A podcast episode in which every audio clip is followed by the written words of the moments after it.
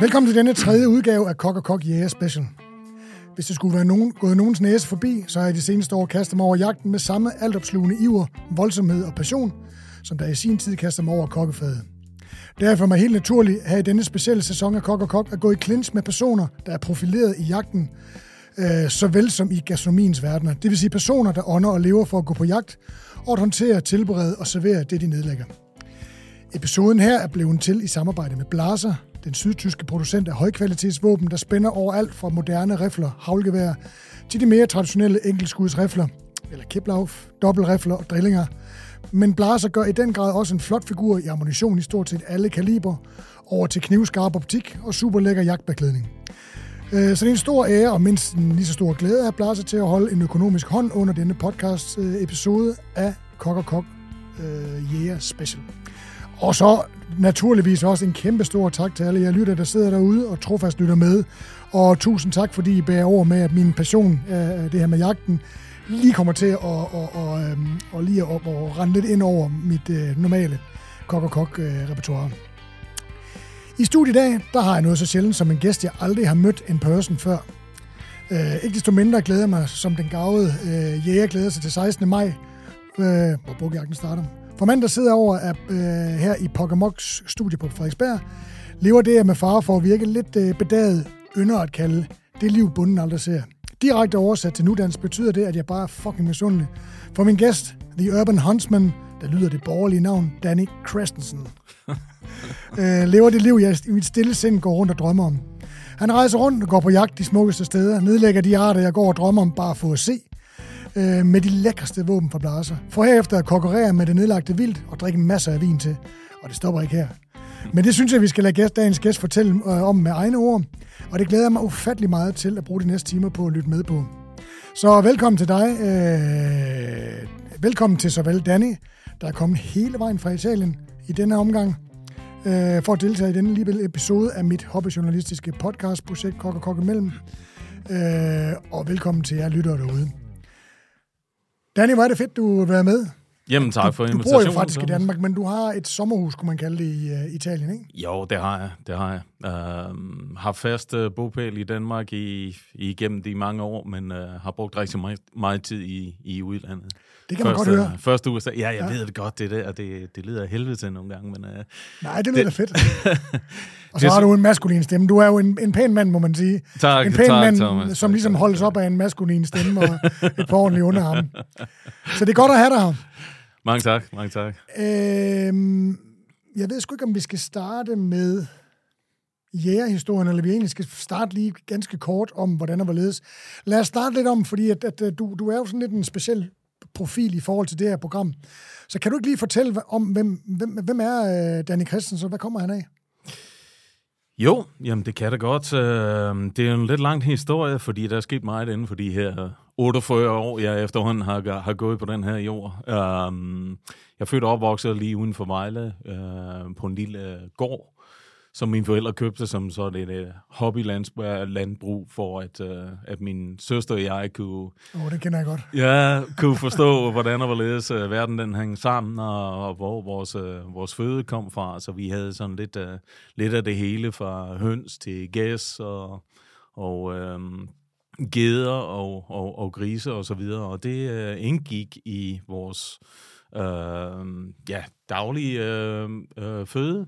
Så det vil sige, at der, der skulle jeg hente sådan en, en kylling eller en høne gang imellem, og den skulle så øh, den skulle lige have hovedet på blokken, og så skulle, så skulle hun altså lov til at løbe lidt rundt, indtil blodet var, var løbet af den, og øhm, jeg fik sådan en rimelig hård og, og direkte introduktion til, hvad det betyder øh, og, øh, at skulle spise, og, og hvor vores øh, råvarer de rent faktisk kommer fra, og og det er nok der, øh, allerede fra det tidspunkt, der omkring der er fem år, da vi flyttede til gården, der, at øh, respekten for naturen og for, for vores øh, naturlige øh, ressourcer, den, øh, den startede. Øhm. Var det sådan lidt, et, øh, altså jeg, jeg var faktisk opvokset lidt på samme måde, det er meget sjovt. Nå, okay. Øh, min far var lærer og havde også et øh, hobbylandbrug, ikke, så man fik på Ja. altså, den, den hårde måde ligesom lært, hvad det er, Ja. at der er ikke noget, der kommer af sig selv. Nej, det er der var, ikke. Var dine forældre, var det, var det det samme sådan et Ja, det var, det var akkurat det samme. Ja. Min, øh, min far arbejdede inden for, øh, for kabel-tv-verden, og min mor var, øh,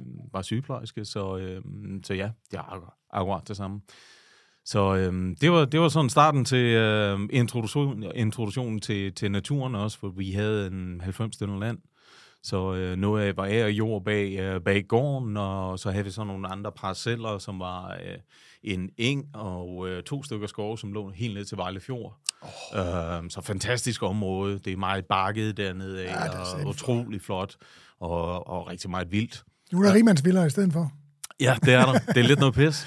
Det er lidt noget pis. Det er sgu sjovt at komme tilbage, og det ved jeg ikke, om det er sjovt. Det er nok ikke det rigtige ord. Det er måske endda lidt øh, vedmodigt at komme tilbage og så se øh, det, det lille vandløb, som jeg gik og, og fiskede i, øh, fra da jeg var fem år. Ikke? Øh, der, der er fyldt med hus rundt om den nu. Og, så øh, ja, men sådan går det jo. Men øh, i hvert fald så øh, min opvækst der, den, det skal jeg takke mine forældre for, øh, og introduktionen til naturen og respekten for naturen, og øh, har været der lige siden dengang, og øh, introduktionen til jagten også startede, da, da jeg var omkring de der fem år, da vi flyttede på gården, da en af mine, min fars øh, gode venner der øh, begyndte at gå lidt på jagt på vores Lad os lige jord. tage, så- hvis jeg må afbryde, dig, lad os lige tage jagten og, og madhistorien, som jo har en super spændende Mhm. mm udgangspunkt der, fordi at når man ligesom været ude og se kyllingen blive slagtet, så ser man jo også som oftest, hvordan, så jeg formoder også, du fik lov til at være med til at, at lave mad og sådan noget. Ja, ja, selvfølgelig. Altså, der, den skulle plukkes, og den skulle gøres ren, og er det. skulle trækkes ud. Og, ja. Ja. Så lad os lige holde, øh, holde jagt og, og, hvad skal man sige, din tilgang til mad, sådan lidt, øh, lidt vi holder den lidt hen igen, og så bare lige fortælle om, hvordan, øh, hvordan du når frem til nu. Jamen, øh, fast forward, øh, rigtig mange år. Øh, jeg var jeg var i øh, København og gik på, på skole herovre i, i et par år. Inden da havde jeg været i USA og, og besøgt min søster, som var derovre på, øh, som au pair. Og, øh, og blev utrolig fascineret af amerikanerne og den amerikanske livsstil og øh, den åbenhed, der er derovre, den imødekommenhed, der er der, som er meget anderledes end Danmark. Jeg synes, øh, altså umiddelbart så synes jeg, at Danmark har rykket sig rigtig meget i de sidste 25 år og er blevet meget mere åbne. Men øh, der var en fascination af den måde, som de levede på, og den måde, som man var budt velkommen og blev budt inden for døren, ja. øh, og ikke blev holdt på, på afstand. Øh, Men det er jo sjovt på at tænke i Danmark, altså der griner vi jo af dem, og synes, de var nogle så kommer de ned i supermarkedet, så spørger de, hvordan du har det, om du har en god dag. ja, ja. Men det er jo ikke interesseret i at høre det. Og- og- og- Men det, det, man gør jo det samme i Danmark, det er jo det, der er så mærkeligt. Altså, Ja, ja.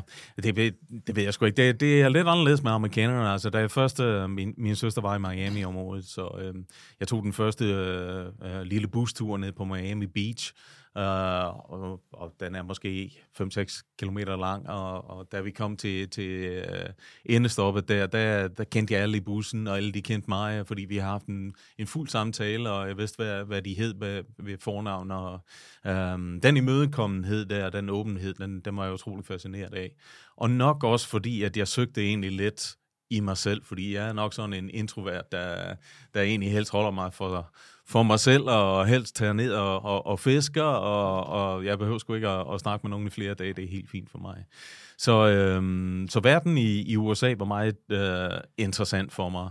hvad, tid, hvad, hvad, årstal taler vi her? Ja, men der, der er vi tilbage i, i 97 til at starte med.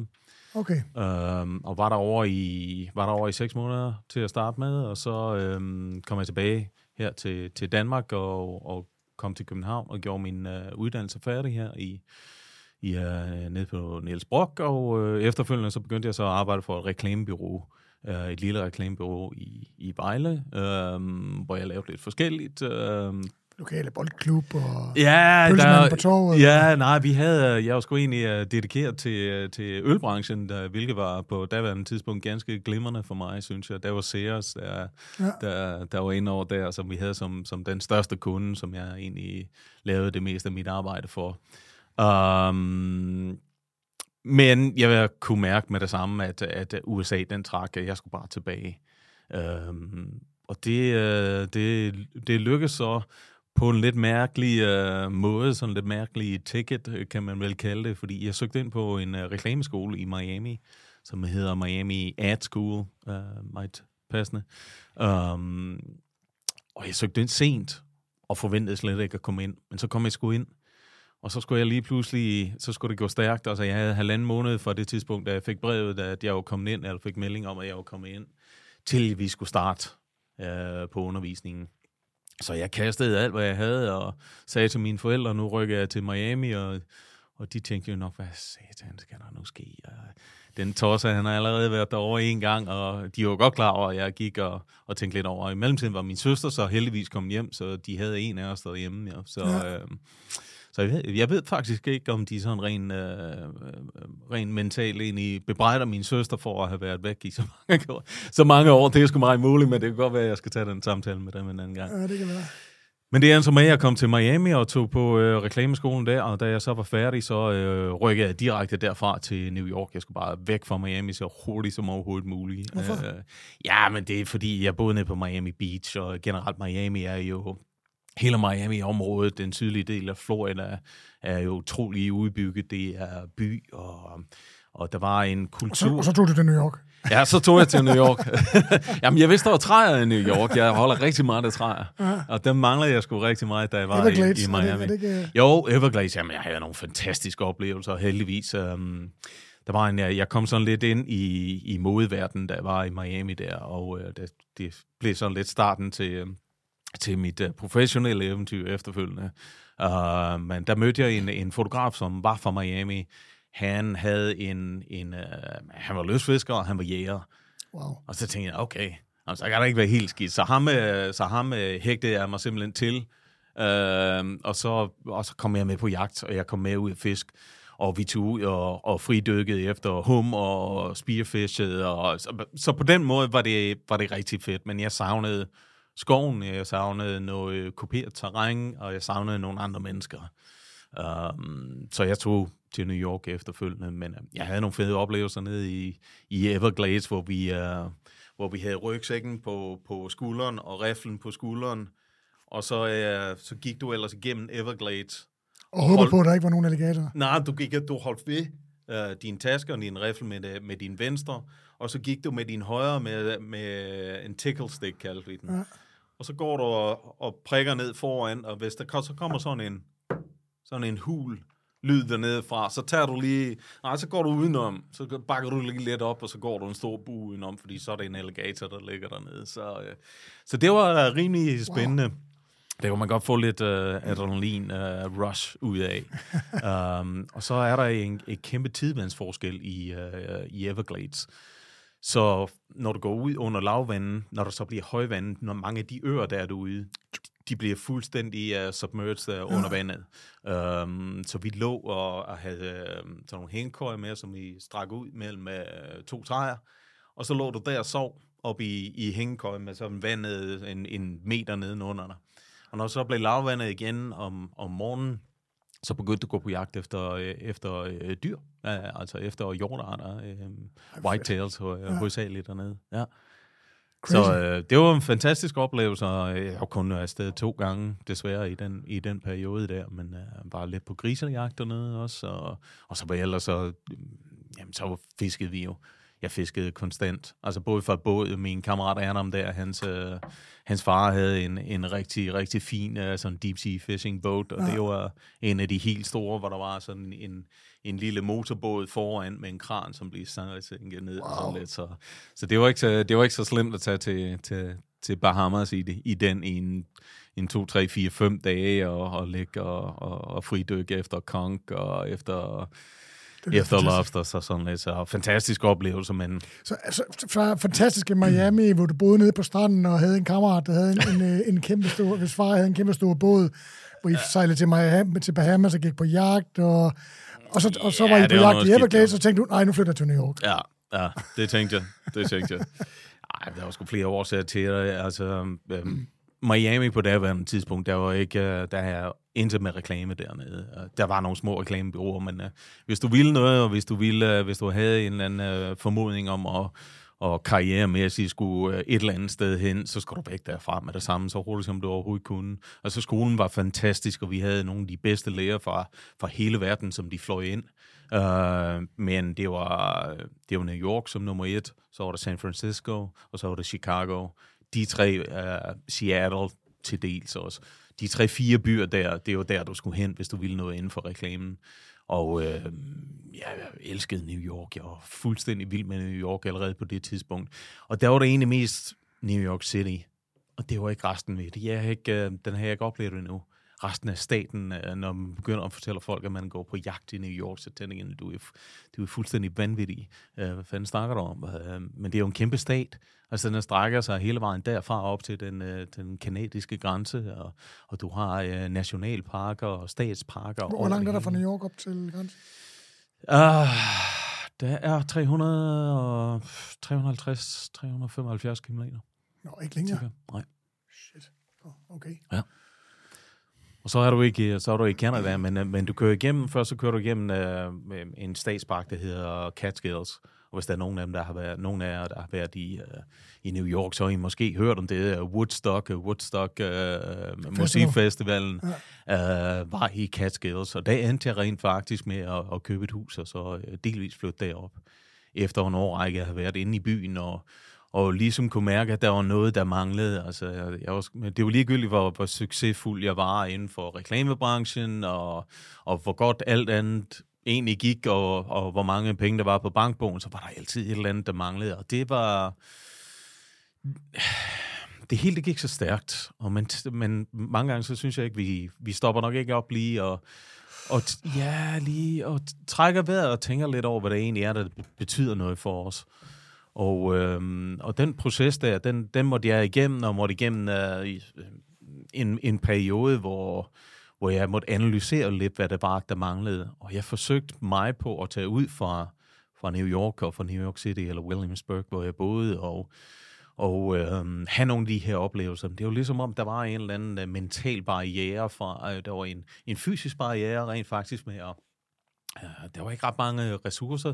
Du kunne ikke finde ud af, hvor fanden du skulle tage hen, på trods af, at det er en kæmpestor stat, og, og øh, jagten er egentlig øh, fri i USA, eller i største delen af USA. Det vil sige, at du betaler øh, et tag for at gå på jagt i New York, i staten New York, og så kan du egentlig gå hen, øh, hvor du vil så er jagten fri. Du kan gå over det hele, med mindre der er anført, at du ikke må. Og det kan være nogle privat jordejere, eller det kan være fordi, at der er en, en dedikeret område, som er måske sådan et rehabilitation-område, hvor de øh, forsøger på at få nogle, nogle arter tilbage derinde, og det kan måske være ørnene. Øh, Uh, Bald Eagle er, er en af de ørne, som var introduceret i den periode, eller reintroduceret i den periode, som jeg var der. Um, men altså den barriere med at være inde i og simpelthen øhm, fuldstændig submerged i, i New York City, og så tage skridtet og skulle ud og finde den her wilderness, som jeg vidste, der var rent faktisk, du kunne tage A-train, uh, subwayen, og så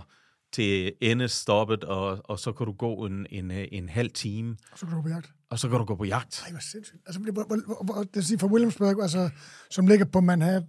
Williamsburg ligger i Bro- uh, Brooklyn. Brooklyn ja. Det ligger lige over på den anden side af East River, så øhm, lige direkte over på den anden side af Manhattan. Og, og hvor lang tid tog det så at komme ud til endestationen med, med toget? Jamen, du skulle, øhm, du skulle først og fremmest, så skulle du lige ind til, du skulle ind på Manhattan først, så der er tog derind, og så til endestationen derfra, der er vel 45 minutter, 50 minutter eller sådan Så det er som at tage S-toget til Helsingør? Ja, det er det. Wow. Problemet er, at du må ikke tage våben med, jo. Du, øh, hvis du har våben inde i New York City, så, øh, så, ja, så, får du, øh, så får du håndjern på, og så får du, øh, så får du nok nogle tæsk ind i en celle i et par dage, eller sådan noget, indtil du får lov til at komme ud igen. Så det gjorde du ikke? Så det gjorde jeg ikke, men du må tage buen med. Du må rent faktisk tage buen med. Så øh, der er et par gutter, men det vidste jeg ikke på det tidspunkt, og, og da jeg først... Øh, da jeg sådan rigtig begyndte at komme ind til, til bujagten der, der, øhm, der havde jeg nogle andre løsninger, hvor jeg kunne tage op i Catskills og have fået nogle venner deroppe, inden jeg selv købte et hus, som, øh, som jeg tog op og, og brugte øh, den tid, som, som jeg kunne bruge deroppe, øh, som en balance til, til det hurtige liv i, i New York City der, og jeg endte med at arbejde inden for, for øh, modebranchen, inden for luxury-sektoren. Så, øh, hvor, lang, hvor lang tid var du i New York? Jamen, der var jo on and off i, i 20 år. Jamen, det er jo meget sjovt, fordi det er, jo, det er jo igen min historie, der kører lidt parallelt med din, det der med, at, at øh, også komme til, nu, lad os nu bare sige, at, at København er en lille smule mindre end, end New York, men, men der er jo også en vibe derovre, der, der er jo sket, altså det, det har du ikke fulgt med i så meget, men der er jo sket sindssyge ting i København, altså i de Ja, ja, ja. 25 år efterhånden, der boet, tror jeg, på ja. tiden går. Og, så, og man bliver jo man bliver jo suget med af det, fordi der, der, der sker så meget den udvikling, og hele tiden under, inden for, forandrer byen, så der sker ja. nye ting, og der, du ja. oplever nye ting, ikke? Ja. Men jeg har også hele tiden haft den der, det er fint nok, jeg vil gerne være inde i byen, jeg vil gerne være en del af det her, men når jeg er fri, så skal jeg ud. Ja. Altså, jeg, jeg skal simpelthen væk. Jeg skal altså, ja. tænke at være inde i byen, og kun at være inde på Stenbroen, ja. og ikke se byen springe ud. Ja. Eller Hvor er du opvokset? Øh, Sønderjylland. Sønderjylland. Helt nede i Tondern. Tønder. Tønder? Ja, Ah, for saten. Ja, Okay. Nede i Voldelig Ståbynge. Ja, ja, ja. ja. Jamen, skide godt. Så, så, så der, der kommer jeg fra, og det er jeg jo også med en. Øh, og så havde jeg det, da, da mine børn blev, øh, da jeg fik børn, jeg kunne simpelthen ikke overskue, at de skulle vokse op Nej. øh, i en baggård. Nej, det, det kunne nej, jeg ikke. Nej. Så, men, men nu er det ikke mig, det handler om, det er dig. Så, så på et eller andet tidspunkt i, dit, i, i den tid i New York, øh, du ruller med øh, strømmen, og det hele det kører for dig, og, og, men har den her ventil, hvor du kommer ud og får lukket lidt luft ud en gang imellem ude i, og ender så med at flytte ud og, og køre lidt frem og tilbage, eller... Ja, det gjorde jeg faktisk. Um, nu har jeg jo jeg er kommet frem og tilbage fra, fra Europa i den periode også. Um, jeg var inden for reklamebranchen i de første seks år, da jeg var i New York, og så øhm, efterfølgende så... Jeg startede et produktionsselskab deroppe øh, i 2002, og, øhm, og det gik ret hurtigt. Øh, det udviklede sig ret hurtigt. Det blev ret hurtigt stort. Og i starten var det skidespændende, fordi der var rigtig meget kreativt indenover. Men når du begynder at få sådan nogle, nogle store kunder, som øh, vi havde BMW øh, de sidste to år, der var der, der fik vi BMW, og der gik det rigtig stærkt, fordi vi lavede alle deres øh, PR-events og alt, hvad der havde med events happening at gøre med, med BMW, altså introduktion af, af nye biler og reklamefilm og alt det der. Det, det stod vi for øh, en stor del af i, i New York, øh, eller i, i USA generelt. Og øhm, når du får sådan en kunde, så kommer de jo med kæmpe team bagved. Og det gør, at den kreative del rent faktisk går, når du har et produktionsselskab, så forsvinder den kreative del. Du skal bare det, sørge for, at tingene klapper du skal bare sørge for det. Det, er, det skal være funktionelt det hele, og det er dig, der kommer til at stå for det. Og det var der ikke rigtig noget spændende i for mig. Det var den kreative del, der var, der var interessant. Og øh, i mellemtiden var jeg så blevet introduceret til en fotograf. Um, da jeg først flyttede til New York, da jeg var færdig med reklameskolen, um, det var tre dage efter, jeg var færdig, der starter jeg bilen og kørte nordpå. Og øh, lander i New York og har nogle jobinterviews, men jeg har ikke noget job. Um, så der skulle ske et eller andet til at starte med. Altså, jeg ved ikke, om du har været i, i USA, eller har Jeg været været i... en del i USA, aldrig i New York, øh, desværre. Okay, men der er noget, der hedder en Sagat Guide. Det ved jeg ikke, om du er blevet Jo, introduceret. øh, sæt, ja.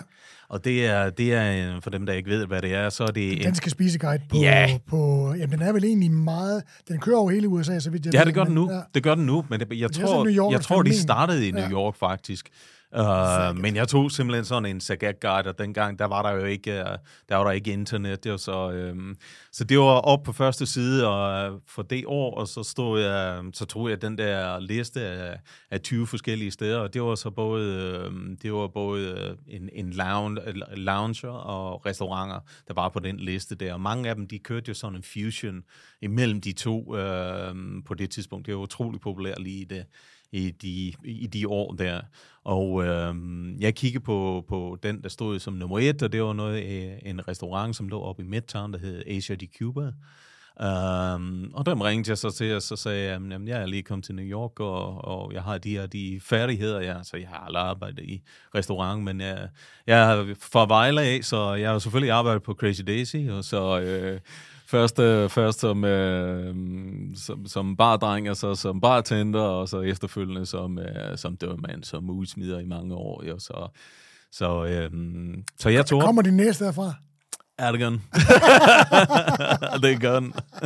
Så øh, den, den, blev, den blev skulptureret på Crazy Daisy i Vejle. Ja, det gjorde den, eller... Det er eller flot. Altså, jeg, jeg kan godt være lidt misundelig på den. Ja, som der umiddelbart, så tror jeg nok, det var, det var de omkringliggende gader, der, der, der gjorde mest indtryk øh, på den, så at sige. Så, Det er en meget maskulin læs. jeg har fået den, øh, jeg har fået den ryg lidt på plads øh, en enkelt gang, øh, da jeg ikke rigtig kunne trække vejret ud igennem øh, næsen mere. Så, øh, ej, men øh, jeg, jeg, jeg havde et interview på Asia de Cuba, men det var ikke, øh, jeg brød mig ikke om den vibe, der var derinde. Det var så meget posh, og det var meget høj, øh, ja, høj musik, og, og jeg brød mig ikke om de mennesker, der var derinde. Der var ikke en god vibe derinde. Uh, nummer to på listen, det var så en restaurant, som hed øh, uh, Che Esada, som var en... Uh, som var en nordafrikansk restaurant øh, af kusine, skulle jeg sige. Ja. For uh, restauranten var egentlig kørende af, af to amerikanere, kørte af to amerikanere, og de, uh, den ene af dem var modefotograf, og den anden var hans tidligere agent, og de var så også uh, tidligere kærester. Og øh, jeg gik derned og, og, og bankede på døren, og øh, gik ind og spurgte, om der var nogen, der havde et arbejde, og, og sagde, hvad jeg gav dem mit, uh, mit CV. Fordi jeg skulle have et arbejde til at starte med, inden, øh, inden jeg fik øh, et arbejde inden for reklamebranchen. Øhm, og øh, bartender var sådan lidt et røvhul, så øh, han sagde, nej, der var ikke noget, og, og han skulle nok øh, give det her til, øh, give min CV til, til ejerne, og så tog han det og lagde det væk med det samme, og så tænkte jeg, hold kæft, dit røvhul. Jeg, ved, jeg var da godt klar over, at han ville ikke have, at jeg skulle derind øh, og arbejde. Af en eller anden årsag, så var der lidt, øh, så var der lidt beef der allerede. Um, der kommer så en ældre herre, ja, sådan en, en, midt i 60'erne, eller starten af 60'erne, kommer op i baren og siger, undskyld, øh, kan jeg hjælpe med noget? Så sagde jeg, nej, jeg var lige kommet hen, øh, jeg var lige flyttet hertil fra, fra Miami, jeg går på skole ned og kiggede efter et job, øh, sådan indtil jeg fandt et, et permanent job i, i New York og øh, inden for reklamebranchen, og, og jeg har lige afleveret min CV. Så sagde han, nå, men vil du ikke over og, og få et glas vin? Og han sad så derovre med, med den anden ejer og deres to nye partnere, og øhm, tre timer senere, der valgte jeg ud derfra at have fået øh, afskillige drinks og, og vin og mad, og have fået et øh, job i døren. Så der starter jeg simpelthen med at, at stå i døren. Øh, den her, den her lounge-restaurant, den var meget, meget populær på det tidspunkt, og det var sådan en uh, celebrity hangout, fordi du kom ind i et meget diskret uh, rum på første salen, og så gik der sådan en stentrappe ned i en kælder, hvor det hele bare var starinlys og hvor der hang de der øh, typiske marokkoanske lamper ned, øh, og der var øh, cabaret night på om onsdagen, og der var belly dancing hver aften, og der der var noget, noget rigtig godt marokkoansk med. Ja, um, det lyder rigtig fedt. Det var super, super fedt. Og det var fedt at blive introduceret til det, og det, øh, det miljø der, fordi at man, man lærte, øh, først og fremmest lærte man rigtig mange forskellige mennesker at kende, hvilket uh, jeg satte stor pris på. Der var mange, der var drag queen show dernede, uh, der var Leonardo DiCaprio, der var uh, wow. uh, alle mulige forskellige typer mennesker, der kom derned. Uh, og det var faktisk første gang, jeg havde en, en, en office, sådan lidt halvofficiel uh, introduktion til det kommercielle køkken, som jeg fandt uh, fantastisk uh, fascinerende, på trods af, at jeg overhovedet ikke havde lyst til at komme derind. Uh, men det var, det var utrolig fascinerende at se, hvordan, uh, hvordan så et, et køkkenhold, de, uh, de arbejder. Og, uh, og der, på det tidspunkt, der havde de fået... Uh, der havde de fået en, en kok derned, som, uh, han var der egentlig uofficielt. Uh, men uh, officielt var han kun sådan en advisor, fordi at han skulle ikke lige have det på CV'et, at han havde været dernede. Uh, Paul Liebrandt, uh, som havde haft en stor succesfuld restaurant, som var gået ned. Uh, det var vist investorerne, som, som var gået ned, og så lukkede hans restaurant. Og så i mellemtiden var han dernede som uh, sådan officiel advisor, men egentlig kørte køkkenet og lavede lidt, lavede nogle nye retter og etableret nogle, øh, nogle nye øh, serveringsformer, og øh, egentlig tog det køkken der, og så vendte det lidt op og ned og lavede det lidt, øh, lidt utraditionelt, traditionelt, ja. øh, som var rigtig spændende. Um, så øh, jeg blev introduceret til, til selvfølgelig til, til uh, Michael der, som var en af ejerne, som var fotograf og øh, begyndte egentlig at, at assistere ham med, fordi jeg synes, det var rigtig spændende, det med at, at kommunikere igennem billeder. Og øh, efter, efter et, et års tid, øh, halvandet år var det nok på det tidspunkt, øh, der valgte jeg så at trække stikket, og så, øh, og så overlade selve firmaet til min øh, forretningspartner, og, og så rent faktisk tage til, tilbage til Danmark igen, og, og tage på fotografskolen i Danmark. Okay, og hvor gammel var du der? ja, hvad fanden, hvor gammel var jeg? Hvor gammel var jeg? Der var jeg vel 28, 29, tror jeg. Ja. Wow. ja. Så, øh, så det var sådan lidt den trip der, så var det tilbage, så var det til Viborg, så lige pludselig var jeg i Viborg. Så det var lidt et jump. New York til Viborg, ja. Ja, det var lidt et jump. Så var vi tilbage til, øh, så var der lidt øh, Vejle og Crazy Daisy flashback der i, i, en, øh, i en seks måneder eller sådan noget. Og så, øh, jamen, så tog jeg efterfølgende tog jeg til Paris og var dernede og assisterede en, øh, en håndfuld øh, ret anerkendte fotografer, fordi jeg kom ind ved en, blev introduceret til en agent, Uh, som blandt andet ham, uh, ejeren af Sherazada Michael, der var repræsenteret ved i Paris, og, og hun sendte mig simpelthen ud så, som sådan en, uh, en daglejer til uh, dagassistent til, til alle de her forskellige uh, topfotografer, som hun havde inden under Men det vil sige, du, du fotograferede ikke? Det gjorde jeg ikke på... Jo, jeg starter jo. Du starter jo egentlig min... Uh, du starter med at lave, lave billeder på det tidspunkt, når du er på, på fotografskolen, og så, så bygger du jo din portfolio op.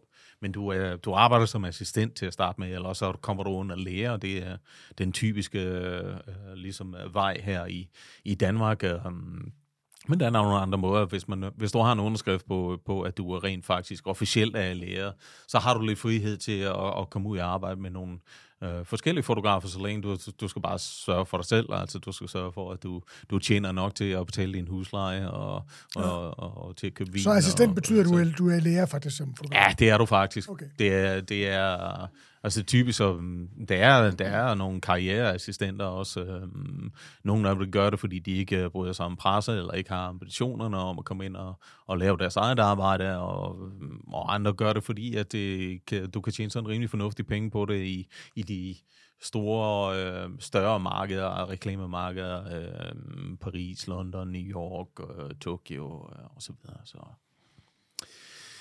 Så ja, det, det tog mig til Paris, og i Paris, der lavede jeg ikke en skid. Altså, der, altså jeg arbejder rigtig meget, men jeg lavede ikke noget udendørs, øh, og lavede egentlig havde heller ikke rigtig meget med, lavede ikke meget mad, og, og, og gik slet ikke på jagt, og fiskede heller ikke, så øh, da jeg fik en, øh, jeg fik et tilbud om at komme tilbage til, til øh, USA, og den, øh, den tog jeg så efter relativt kort tid. Jeg tror kun, jeg har været der i en 6-7 måneder eller sådan noget. Uh, der var en fotograf, som var øh, meget anerkendt og inden for, for modebranchen, og, og jeg tænkte mig, hvis... Uh, jeg fik et tilbud om at komme ind og assistere ham som fuldtid, som hans første assistent, og så tænkte jeg, det, så kan jeg komprimere det hele ned på måske en seks, seks måneder til et år, eller sådan noget, med at assistere, og så øh, samtidig parallelt arbejde på at opbygge min egen portfolio, og få mine egne kunder ind, og lave øh, editorielle opgaver, og så videre. Så, så der kombinerede du så fotograf gerningen med, og, og det du havde lært også altså i produktion og alt det der? Ja, ja, lige nøjagtigt. Lige nøjagtigt. Så det var sådan lidt øh, et, et tidsspring, og, og jeg rykket til Miami til at starte med, så jeg var tilbage i Miami igen. Um, i, i kun i en fire måneder, altså efterfølgende så rykkede jeg op til New York, og, og på det tidspunkt så havde jeg begyndt at få mine egne, mine egne kunder ind, uh, specielt fra, fra New York-området, som ligesom er hovedsædet for, for um, alle former for, for produktion i, i USA, og reklameproduktion specielt. Så. Og så havde du råd til at tage på jagt. Og så havde jeg råd til at tage på jagt, og så havde jeg overskud til at tage på jagt. Uh, reklamebranchen, som, som du nok ved, har uh, lidt om og har ændret sig utrolig meget. Og, og det var jo i starten, der kunne jeg, der kunne jeg arbejde i øh, en, måske en, en, to, tre dage om ugen max. Og så kunne jeg tjene penge nok til at og, og, og sagtens kunne holde fri resten af tiden. Du holder aldrig fri, når du er freelance, jo, men, uh, men uh, fri nok til, at uh, man kunne tage på jagt og og fandt egentlig ud af, at den balance, som jeg fik, efter, efter jeg kunne begynde at, at bruge mit hus og komme derop i, i, i Woodstock og Catskills, øh, parken der, der fandt jeg ud af, at mit, mit kreative arbejde øh, blev meget, meget bedre. Øh, jeg, jeg personligt havde det bedre, mentalt havde jeg det bedre, og jeg havde ikke den der hule fornemmelse i brystkassen, som jeg aldrig kunne identificere, hvad var. Utilfredsstillelse. Ja, der var bare et eller andet, der manglede. Jeg manglede bare at være ude i, i naturen, være i stillheden, få den der adrenalin rush ved jagten og ved noget pure, ved noget, ved noget, um, ja, ved noget rent, som, som du kan jo faktisk, du kan sagtens finde alle mulige former for stimulation i New York. Kan man øh. sige ærligt måske mere end... Altså ikke fordi, at der er noget uærligt ved reklamebranchen, men, men det er jo også, altså du skal jo puste luft i noget, der ikke er der, kan man sige på en eller anden måde. Jo, det skal du, eller også så skal du, øh, så skal du fortælle en, en, en historie, som, øh, som er værd at, at, at lytte til og høre på fra, fra kundernes side. Og, og det er jo spændende, kan man sige. Øh, mine bedste tanker og mine bedste kreative idéer, de kommer altid, når jeg ikke tænker på det.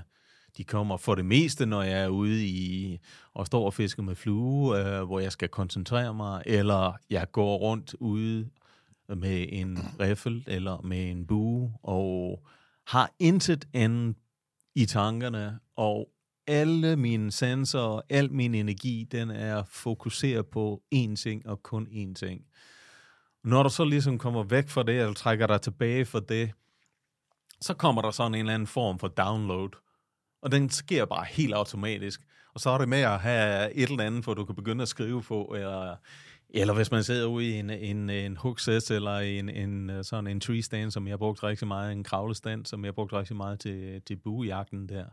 Uh, når du har siddet deroppe i en to-tre timer, um, så begynder, så begynder alle de her uh, tanker jo at komme op, og der begynder at blive brygget noget inde i, inde i hjernen der, som er utrolig uh, produktivt.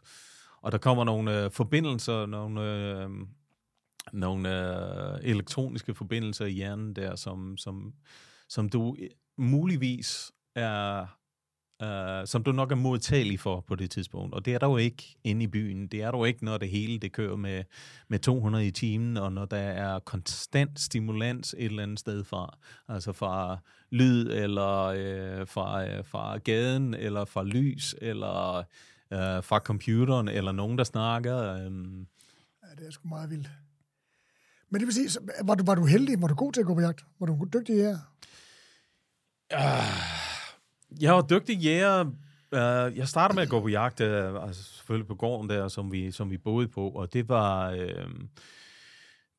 det var egentlig en forstående hund. Og det blev jeg utrolig fascineret af, fordi jeg havde uh, min... Prøv at fortælle det var stående hund er, til dem, der nu ikke er jagten. Jamen, stående hund, det er... Um, altså, du har flere forskellige former for, for jagthunde. Nogle af dem er er, er støver, som, øh, som egentlig løber rundt øh, inden for relativt kort afstand til, til jægeren, typisk inden for 30 meter.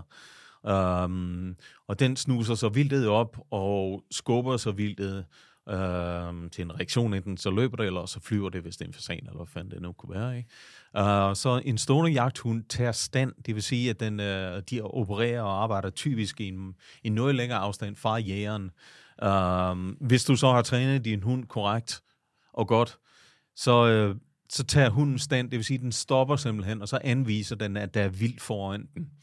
Og så er der så jægerens opgave at komme tæt nok på hunden, og så løse hunden til, at den, den springer frem og, øh, og støder vildtet, og så vildtet flyver eller løber væk. Og så får du så forhåbentlig en skudchance, hvis, øh, hvis hunden er blevet en træning, og den, den holder stand øh, lang tid nok til, at du kommer ind for skudhold. Men det, det gjorde du så ikke i USA? Det var da du var barn? Nej, det gjorde jeg ikke i USA, fordi at jeg havde ikke nogen hund, og jeg havde ikke en livsstil, som, som jeg synes, det var ansvarligt for mig at anskaffe en, en jagthund, fordi jeg brugte stadigvæk øh, mere tid inde i New York, end jeg, jeg gerne ville. Min plan var egentlig at, at bruge sådan en to tredjedel af min tid op i, i Catskills, op i bjergene, øh, og så bruge en, en tredjedel af min tid i New York. Men på det tidspunkt, det var omkring 2008-2009, så du har den finansielle krise der i 2008, øhm, og der skulle bare lægges om, der, der sagde man ikke nej til jobs mere, du tog bare, hvad der kom.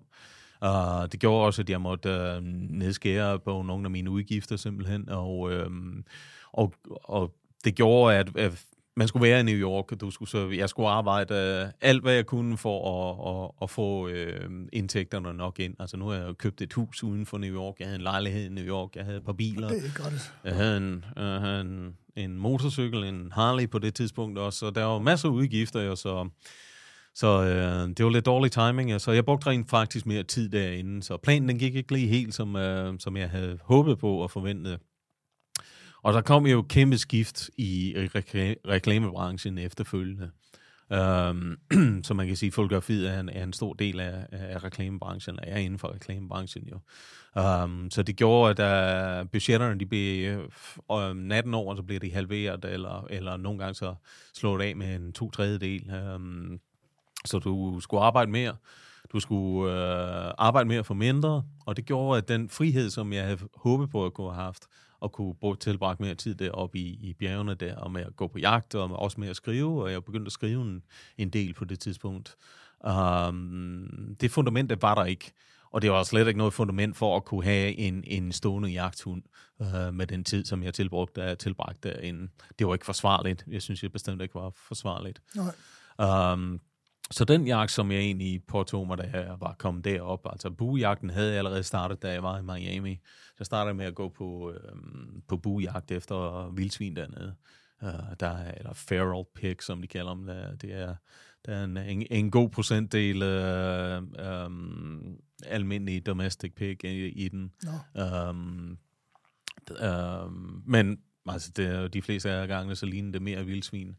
Um, men det min er en almindelig, almindelig gris for en eller anden uh, produktionshal uh, rundt om hjørnet. Så, um, så jeg startede med at gå på bujagt dernede, og det fortsatte jeg egentlig med, da jeg kom til New York. når, jeg tog, når jeg tog ud fra New York, jamen, så var det... Uh, uh, altså før, før jeg fik huset, og så var det på bujagten. Det var, det var den, der, der havde trukket fra, fra starten af der. Um, men jeg begyndte at, at gå mig på riffeljagt deroppe også, uh, fordi det er kæmpe områder. Um, det er det er skovområder. Uh, der er meget vekslende skovområder. Der er, man er meget tæt uh, med, med græn og evergreens, og så er der andre områder, som Uh, jamen, der er ikke rigtig noget af det, der ligner det danske skov, fordi den danske skov er jo er, er jo fældet, og, og... Der er ikke meget vildt tilbage over den. Nej, der er ikke meget vildt skov tilbage, og det er det jo deroppe det hele. Uh, det kan godt være, hvis du går hvis du går 70 år tilbage, så, uh, så var der ikke mange træer deroppe. Så det er genvokset, uh, det meste af det. Uh, men det er skov, og det er vildt, og der er ikke noget af det, der, det bliver ikke poleret. Altså, hvis der falder et træ, så får det lov til at blive der. Um, så der er en fantastisk øh, biodiversitet uh, i, i den skov der, og er et um, fantastisk, og den har et fantastisk fundament for, for en um, ret solid vild bestand. Og så i udkanten af, af den her um, statspark, uh, er der jo alle de her forskellige landbrugsområder, hvor der er øh, en meget højere vildbestand, end der er inde i selve skovområdet, jo, ja, fordi ja. der er mange flere fødemuligheder. Ja. Så, øhm, Men det er også det, der sker i Danmark, ikke, som med fremgang med råvildt og sådan noget. Altså, der er jo virkelig, der, der sker jo meget, så det kombinationen af de to ting er jo ja, ret vildt virkelig. Ja, det er det. Jamen, altså, der er smørsbrød lige uden for døren for dem, ja. jo, så, øhm, så det er jo klart, at de, øh, de trives. De trives jo rigtig meget. I, I USA, der er der de vurderer, at der er mellem 30 og 35 procent flere whitetail uh, øh, deer i New York nu, end da de første settlers de kom, uh, de kom over. Simpelthen på grund af den måde, som vi har uh, modificeret landskabet på. Og det synes jeg, det, det taler også lidt til den måde, som, som vi måske skal, skal overveje, hvordan overledes vi administrerer den her, uh, de forskellige naturlige ressourcer, der er inden for et område. Vi er nødt til at kigge på, hvordan det er nu. Det kan. Uh, og det synes jeg nogle gange, at øh, hvis vi begynder at komme ind på det område, så øh, det synes mange af dem, som måske ikke rigtig sætter sig ind i, i jagten, og hvordan øh, administration af, af naturområder, de rent faktisk fungerer eller ikke fungerer. Øh, de går lidt forbi øh, det faktum, at det rent faktisk ikke er vildt derude mere. Nej, og, det er, og, det, og det er opstået af blandingen af natur og vildt. Og der kan man jo sige, altså hvis vi lige skal dreje den over på, på den krumtap, den motor, der normalt er i programmet her, så er det jo det her med, at det, det, det handler, jo, handler jo meget om mad. Og man kan sige, at er der, er der, er der, er der, er der mange dyr, så er der, så er der jo meget at gå på jagt efter. Mm-hmm. Og hvis man går på jagt efter noget, så skal man jo også øh, have det brugt til noget, kan man sige. Så jeg formoder, at dit jagtheld, som du havde en gang imellem, fornemmer jeg, ja. både med bue og riffel, resulterede i, at du, øh, at du havde noget nedlagt vildt en gang imellem. Hvad, ja. Kom du i gang med det, med, med din, med ting på din, din, op, din opvækst der, hvor du, hvor du øh, var med til at slå en kylling i en gang imellem og sådan noget? Kom det i spil der så? Jeg ved simpelthen ikke rigtigt, om det kom i spil. Um, når jeg nedlagde vildt de første år, frem til 2006, tror jeg, 2006-2007, så var det for jagtens skyld, og maden, den var egentlig sekundær. Um, men der kom et vendepunkt i uh, omkring uh, 6, 7, 8, hvor jeg begyndte at tænke lidt mere over, hvordan og hvorledes jeg kunne bruge det vildt, som jeg rent faktisk nedlagde. Um, det er jo meget interessant, hvad nu du sagde, du har været i, i USA, men jeg ved ikke, om du har været på jagt over. Har du Nej, det, det jeg ikke endnu. Nej. Um, en stor del af de amerikanske jæger, de har jo traditionelt og stadigvæk gå på jagt for madens skyld, altså simpelthen for fødens skyld. Um, så de har meget anderledes til, uh, tilgangsvinkel til, til jagten. Og der kan man sige, at jeg kommer ind som, uh, som lidt en privilegeret uh, europæer eller dansker, og, uh, og bliver nu introduceret til den her måde at se på vildt som udelukkende som en føde først, og en, en form for uh, et, et, et, et, uh, et stykke, eller et, et stykke af puslespillet i en form for en, en livsstil, eller en tilvalgt livsstil.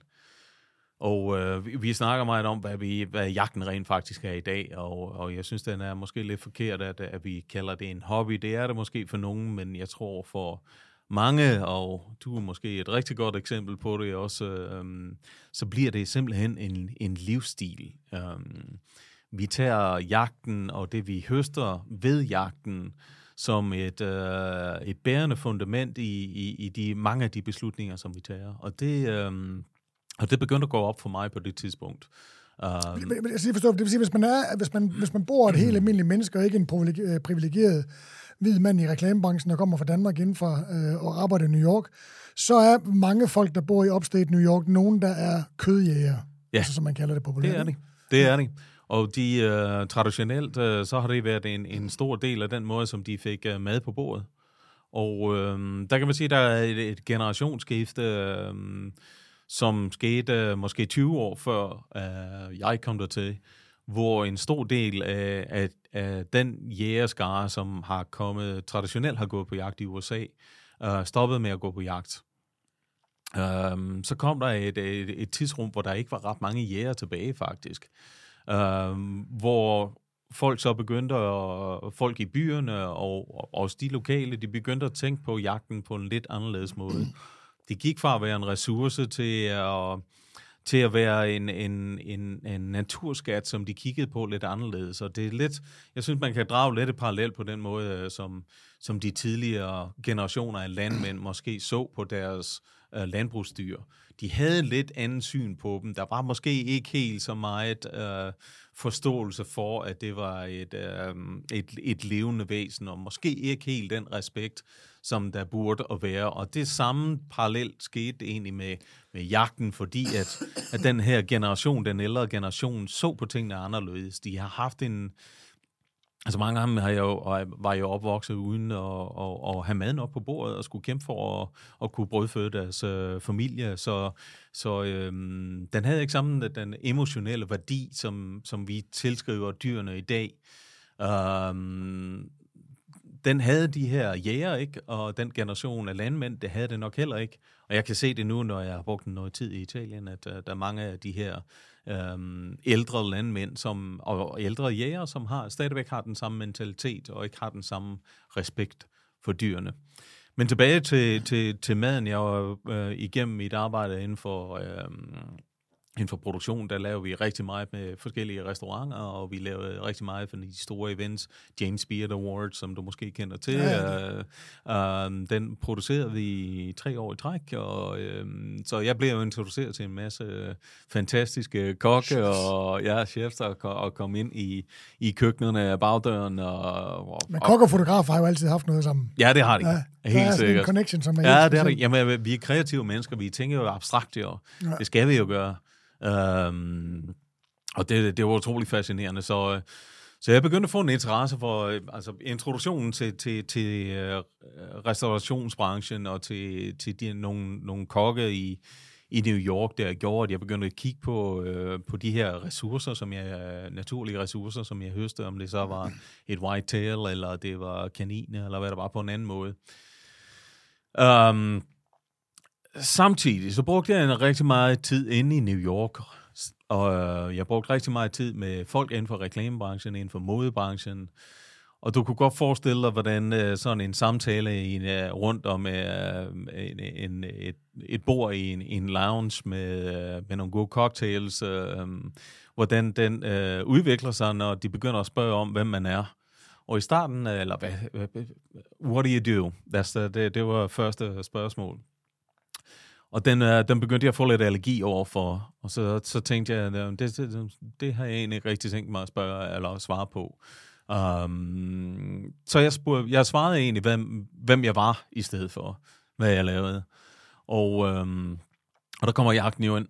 Der kommer den jo ind som, som anden sætning, øhm, og naturen kommer ind i, i, i, samme, øh, i samme mundfuld. Og øh, det, det, led, øh, det led til mange interessante samtaler. Men hvad jeg fandt fra de her, fra de her mennesker, som, øh, som egentlig var mere eller mindre så langt væk fra den verden, øh, fra naturen, fra øh, oprindelsen af vores fødevarer, øh, øh, fra øh, dyreetik, øh, måske andet end deres filosofiske, filosofiske tilgang til dyreetik.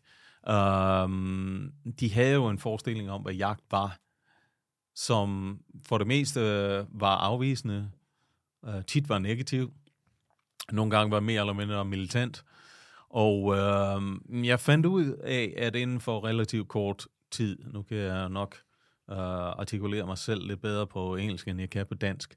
Og øh, der, der fandt jeg ud af, at jeg kunne, jeg kunne øh, udvikle en vis forståelse for mine øh, valg i løbet af 4, 5, 6 minutter inde på en lounge under et par drinks med folk, som var langt væk fra det, jeg snakkede om, og egentlig var modstandere af det, eller i hvert fald øh, havde en negativ holdning til det. Og så tænkte jeg, ved du hvad, øh, herr Christensen, det kan sgu godt være, at du har lidt et ansvar her. Og samtidig så tænkte jeg, at det kunne være, der var en løsning, hvor jeg kunne begynde at snakke om jagten, og jeg kunne snakke om mad, og jeg kunne bruge mine talenter inden for kommunikation, både generelt øh, den skrevne kommunikation, altså med copywriting og tekstforfatning, forfatning og øh, også med, med billeder selvfølgelig. På det tidspunkt var der ikke rigtig noget video indover eller motion picture indover.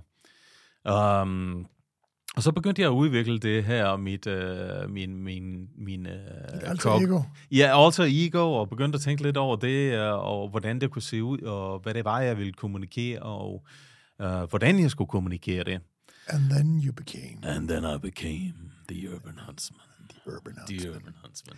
Så The Urban Huntsman, som jeg jo i øvrigt vil opfordre til, at man går ind og, og, og finder lidt mere ud af med, øh, øh, på, på det store internet, fordi at, øh, der kan man i hvert fald se, hvad resultatet af, af alt det, Danny har gået og rodet med gennem hele hans liv, at det, det, det, det, bliver, det giver god mening. Øh, og det vil sige, at det, det, det, er jo, det er jo, som jeg ser det, så er det jo kommunikation, der handler, nok handler det om jagt og natur, men det er også mad, der ligesom er med til, ligesom, det, det ligger ligesom under det hele, at, at det ligesom er, er måltidet, og ja, selvfølgelig er det jo overlevelse af måske en, en hård overdrivelse, men, men, men, men det er ligesom, det, der, der, maden er det basale i det program også. Ja, det er det. det, er det. Jeg, jeg tænkte rigtig meget over, som, uh, som reklamemand, så, uh, så skal jeg jo sådan rent strategisk gå ind til noget og, og tænke det igennem, når jeg, skal, jeg laver nogle jeg laver nogle undersøgelser om øh, øh, folks handlinger, jeg laver undersøgelser om, hvor, øh, hvor landbrug det er på vej hen af, jeg laver undersøgelser om, hvor, øh, blandt andet, hvordan øh, vi udvikler os med, med sygdomme, og hvordan de er linket over til, dem, øh, til vores altså livsstilssygdomme, og, og hvor, meget, hvor meget det rent faktisk er linket direkte over til den måde, som, som, vi, øh, som vi spiser på, og de ting, som vi øh, tager ind i kroppen. Og så tænkte jeg, jamen ved du hvad, hvis jeg skal snakke jagtens sag, og det ville jeg jo rigtig gerne, og så tænkte jeg selvfølgelig, at øh, der, der var måske en måde at gøre det på, hvor der var en eller anden, et, et, et godt øh, et, et fundament for at snakke om jagt, hvor maden ligesom var øh, sproget, som vi brugte, ud over selve jagten, så var maden rent faktisk det, som vi altid kom tilbage til. Det var underliggende, det var øh, hovedingrediensen i selve historien.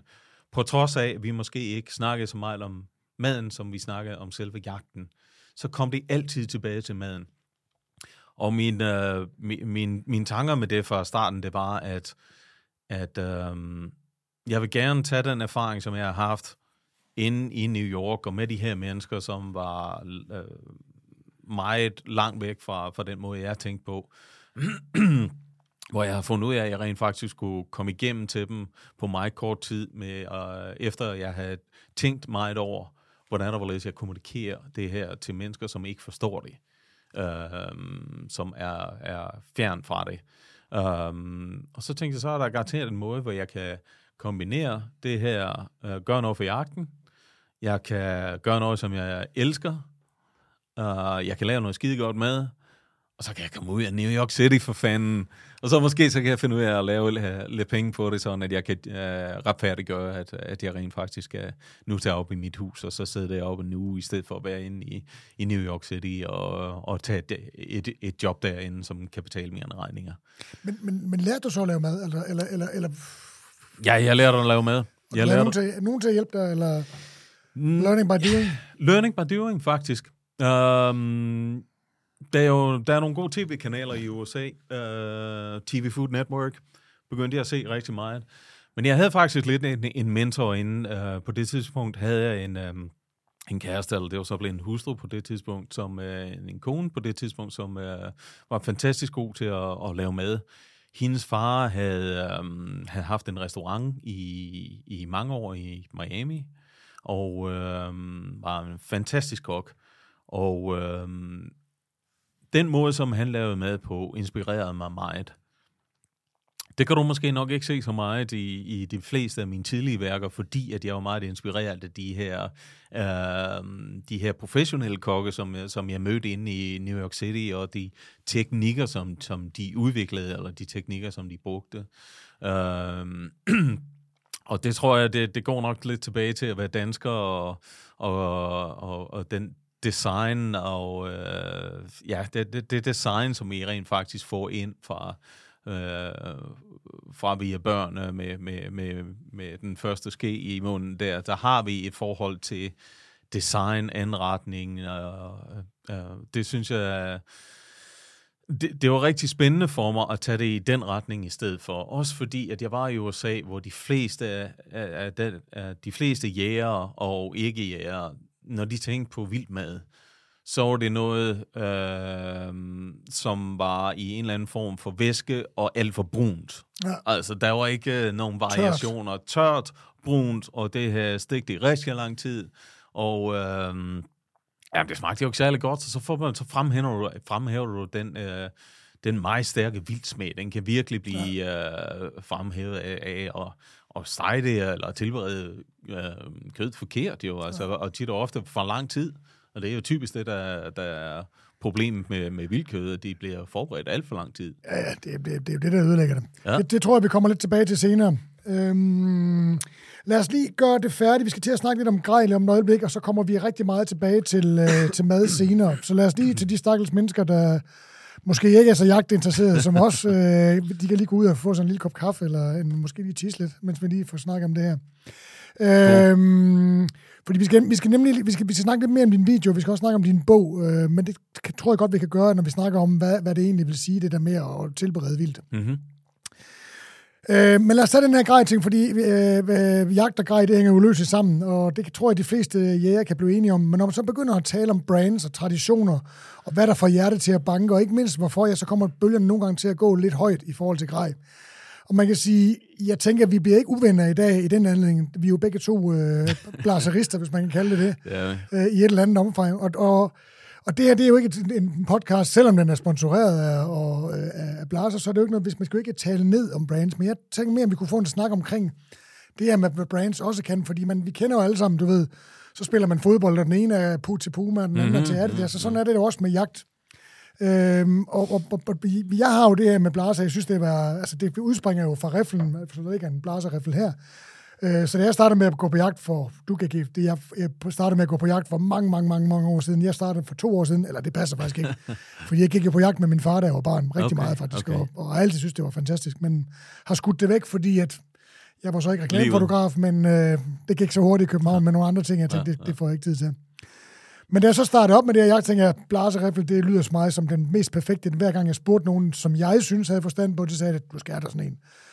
Og lige pludselig så finder man ud af, at det er jo ikke kun blaserriffel, der er jo, der er jo rigtig meget omkring det også. Og, og, og når man sådan har snakket med, for eksempel om, øh, om optik, som vi har her, mm-hmm. skal vi lige, øh, jeg kan se, at magas, magasinet er taget ud, og bundstykket ligger her, så riflen er, der er- jeg kan stoppe fingrene herinde, der er ikke nogen patroner i, så man kan tage den, uden der sker noget ved det. Øh, hvor folk siger, at du skal købe det ene, eller du skal købe det andet, så siger man, som Blaser laver jo optik, hvorfor, hvorfor, hvorfor, hvorfor kan jeg ikke bruge det? Mm-hmm. Ja, men det, det er jo, de er jo gode til at lave rifler, de skal blive ved med at lave rifler. Og så tænker jeg, jamen altså, et, et, et mærke, der har haft så stor succes med på, altså de har jo ikke en lige så lang historie som Maus og Sauer og alt muligt andet, Nej, eller nej, Beretta for den som, der skyld. som også er inde for gruppen. Ja. Ja. Øh, så, skulle, at, så skulle nogen synes, det var sådan underligt, at de begyndte at lave optik, hvor jeg tænkte, at altså, hvis de har den samme, de, den samme, øh, det samme drive og den samme fokus på tingene, som, som de har med deres rifler, så mm-hmm. kunne det jo også godt være, at de lavede god optik.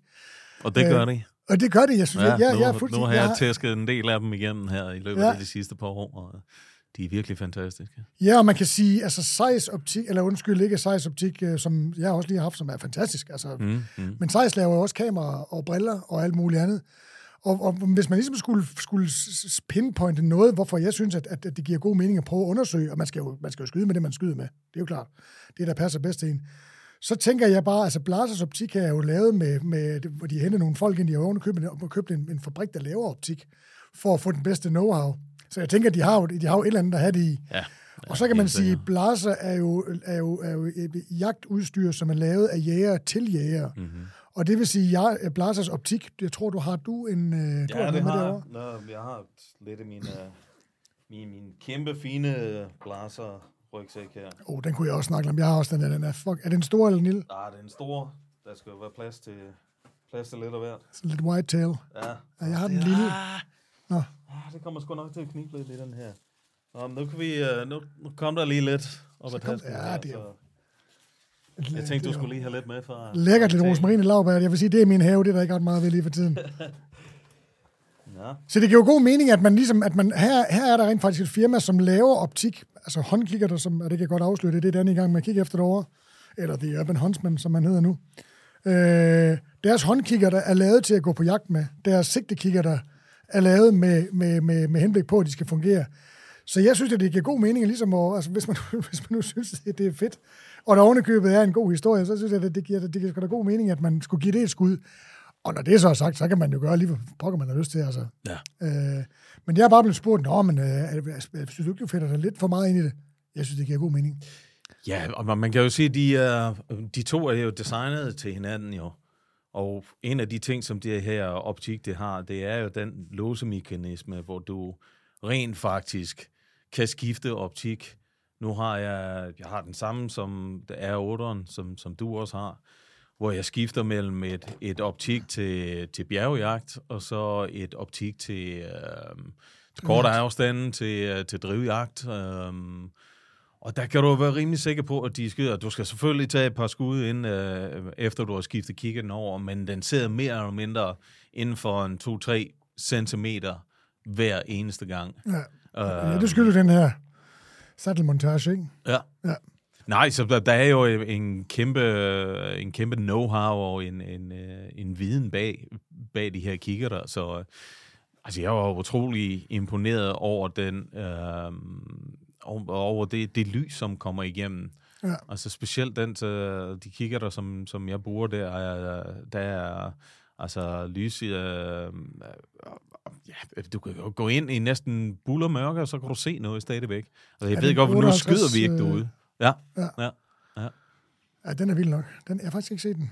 Ja, så er der det også det her, om ligesom den der, selvom du har handsker på, kan du skrue op og ned, ikke? Ja. Og det bliver meget nørdet. Men øh, det var egentlig bare for at sige, altså, hvis, man, hvis, hvis noget, man, noget, man synes, der er fedt, og så ovenikøbet finde ud af, at det har en god historie, så, så, så giver det jo god mening. Men ja, som sagt, folk skal jo gøre det, de har lyst til derude. Ja. Jeg har jeg, rigtig meget lyst til det, jeg er rigtig glad for det. Ja, men jeg kan, jeg kan kun gætte ret. Øhm, jeg havde måske sådan lidt, øh, jeg var lidt reserveret til at starte med, fordi jeg har været vant til at altid bruge øh, øh, rifler med, med træskæfte, og det var sådan den traditionelle, og kunne egentlig rigtig godt lide den, den følelse, som jeg havde af, af træet der. Men øh, jeg fik den der i hånden en gang, og så var der jo ingen tvivl om, at, at så skulle det være R8 fra, fra det tidspunkt af. Og ja. så skød jeg en skød jeg en del i forbindelse med, med tv-showet der med, med K95'en. Og den er jo fantastisk. Ja. Um, men et, et skud i bøssen, og så lader du igen. Og den, den var jeg måske sådan lidt uh, tilbageholdende over for, fordi jeg kunne godt, uh, jeg kan godt lide, at der er mulighed for et opfølgende skud, hvis der er, hvis der er brug for det. Men du er erfaren ja, så... Ja, jeg må sige, de, de, de to gange, hvor jeg trykkede på aftrækkeren, der, der gik det også, som det skulle, så og det er jo det, det skal. Når det, når det skal sige bank, ja, så, skal det jo, så skal det jo virke. Øh, vi er jo også begge to iført, øh, og det er jo også nogen, der ligesom, du har en blaser riffel, synes du ikke, det bliver for meget at have blaser tøj, men det synes jeg rent faktisk ikke. Altså, jeg er jo, jeg er jo rigtig glad for det, jeg synes, det fungerer, og, og øh, det er jo igen noget, altså øh, det, man bliver lidt skudt i skoene, det er jo, at om, så, så, så, skal de bare, så skal de kunne det hele. Og det, det, det er jo nok også et, et udgangspunkt, øh, og de er jo et, øh, en, en, det er jo en, en progressiv forretning. Men igen med tøjet, det er ligesom, altså ligesom man starter, starter forfra og laver en ny riffel, som den her B1'eren jo er. Øh, så med tøjet har de jo gjort det samme, altså hentet nogle folk ind, der, der har forstand på det, mm-hmm. øh, og starte en, en ny beklædningslinje. Det har jo været, for nogle år siden var det jo sådan lidt, øh, lidt altmodisk, lidt meget tysk i sin stil. Det, ja, det, var det. det er jo meget, det, det er meget plausibelt, når det ligesom er et, et sydtysk firma. Men øh, i de senere år har det ligesom skiftet lidt og blevet det her, så der er lidt, øh, altså der er både, hvad skal man sige, øh, tøj, øh, brande, altså uh, outfits har jo eksisteret, altså Blaser Outfit har jo eksisteret i 20 år. Øh, men med den nye serie, som du er på, det er over Håndtæk Camoen, ja. som jo er fra 2021, der er der jo kommet rigtig meget fokus på, at det, at, at det også er til den, til den moderne, krævende riffeljæger, ikke? Ja, det er teknisk, altså, det er teknisk, ja. det er teknisk beklædning. Ja, det er det dem, der har udviklet, er nogen, der kommer fra, fra, fra øh, dem, der er produceret, altså nogle af de store producenter af alpin udstyr, ikke? Så det er med lag på lag øh, teknik, med skal yderst, og så er der forskellige former for mm. isolering indenunder. Så det er jo, det er jo moderne tøj, og det, det er det, jeg godt kan lide ved det. Ja. Og den klassiske linje, som jeg også, den er jeg så ikke på i dag, men, øhm, men der er jo, det, det ligner jo gammeldags loden eller, eller tweed-tøj, mm-hmm. men det har så de samme, øh, hvad skal man sige, tekniske, tekniske værdier, ja. Ja, ja, ja, ja. Øh, som det andet. Og det synes jeg skulle give god mening, så, så det var egentlig bare... Øh, det var egentlig bare lige for at snakke lidt om, at, at, at det kan godt være, at, at det, det er Blaser, der har været så venlig og, og, og, og sige ja tak til at være samarbejdspartner her. Men det er jo en mening med galskaben, og det er jo, mm. at... Øh, Lortet fungerer. Det fungerer. Og ja. du har jo været på... Kan du fortælle noget mere om det? Du har jo været på jagt fra... Ja, som jeg har skrevet her fra Apenninerne, hvor du har dit sommerhus, ikke? Er det der, hvor du har det? Ja, det er det. det, er det. Øh, og så til, øh, til en tur på kaninjagt på Fanø. Ja. Ja. ja. Jamen, øh, jeg, blev, jeg blev ringet op af et, øh, et, et kanadisk øh, tv-selskab, Wild TV, og der spurgte, om jeg kunne være interesseret i at tage det her projekt i Urban Huntsman til, til tv, og det har jeg jo egentlig overvejet mange gange, men øhm, øh, jeg tror, tidspunktet var, var rigtigt for mig, og, og jeg sprang ind i det. Jeg tænkte, hvis jeg ikke gjorde det nu, jeg havde fået en datter på det tidspunkt, øh, så jeg tænkte, øh, hvis jeg ikke gør det nu, mens hun er helt lille, så bliver det nok aldrig til noget. Så jeg sprang, jeg sprang sgu ind i det med, med begge ben, og, og øh, havde en fantastisk oplevelse med at producere de her 13 episoder, hvor vi rejste rundt til, til seks forskellige lande i, i Europa. Uh, produktion... Det er det, jeg mener med, at, øh, at det der, man bliver en lille smule misundelig på det, ikke? ja. Ja, jo, jo. Øh, selve turen var jo fed nok, og turene var jo, var jo rigtig fede, men vi producerede jo midt under coronakrisen. Oh my god. Ja, ja, ja. så det var sgu ikke lige så fedt. Uh, vi har flere gange uh, uh, booket forskellige uh, optagelser, hvor det hele blev lukket ned, hvor vi lige pludselig ikke kunne komme ind til, til Ungarn, hvor vi skulle over. Grænserne var lukket.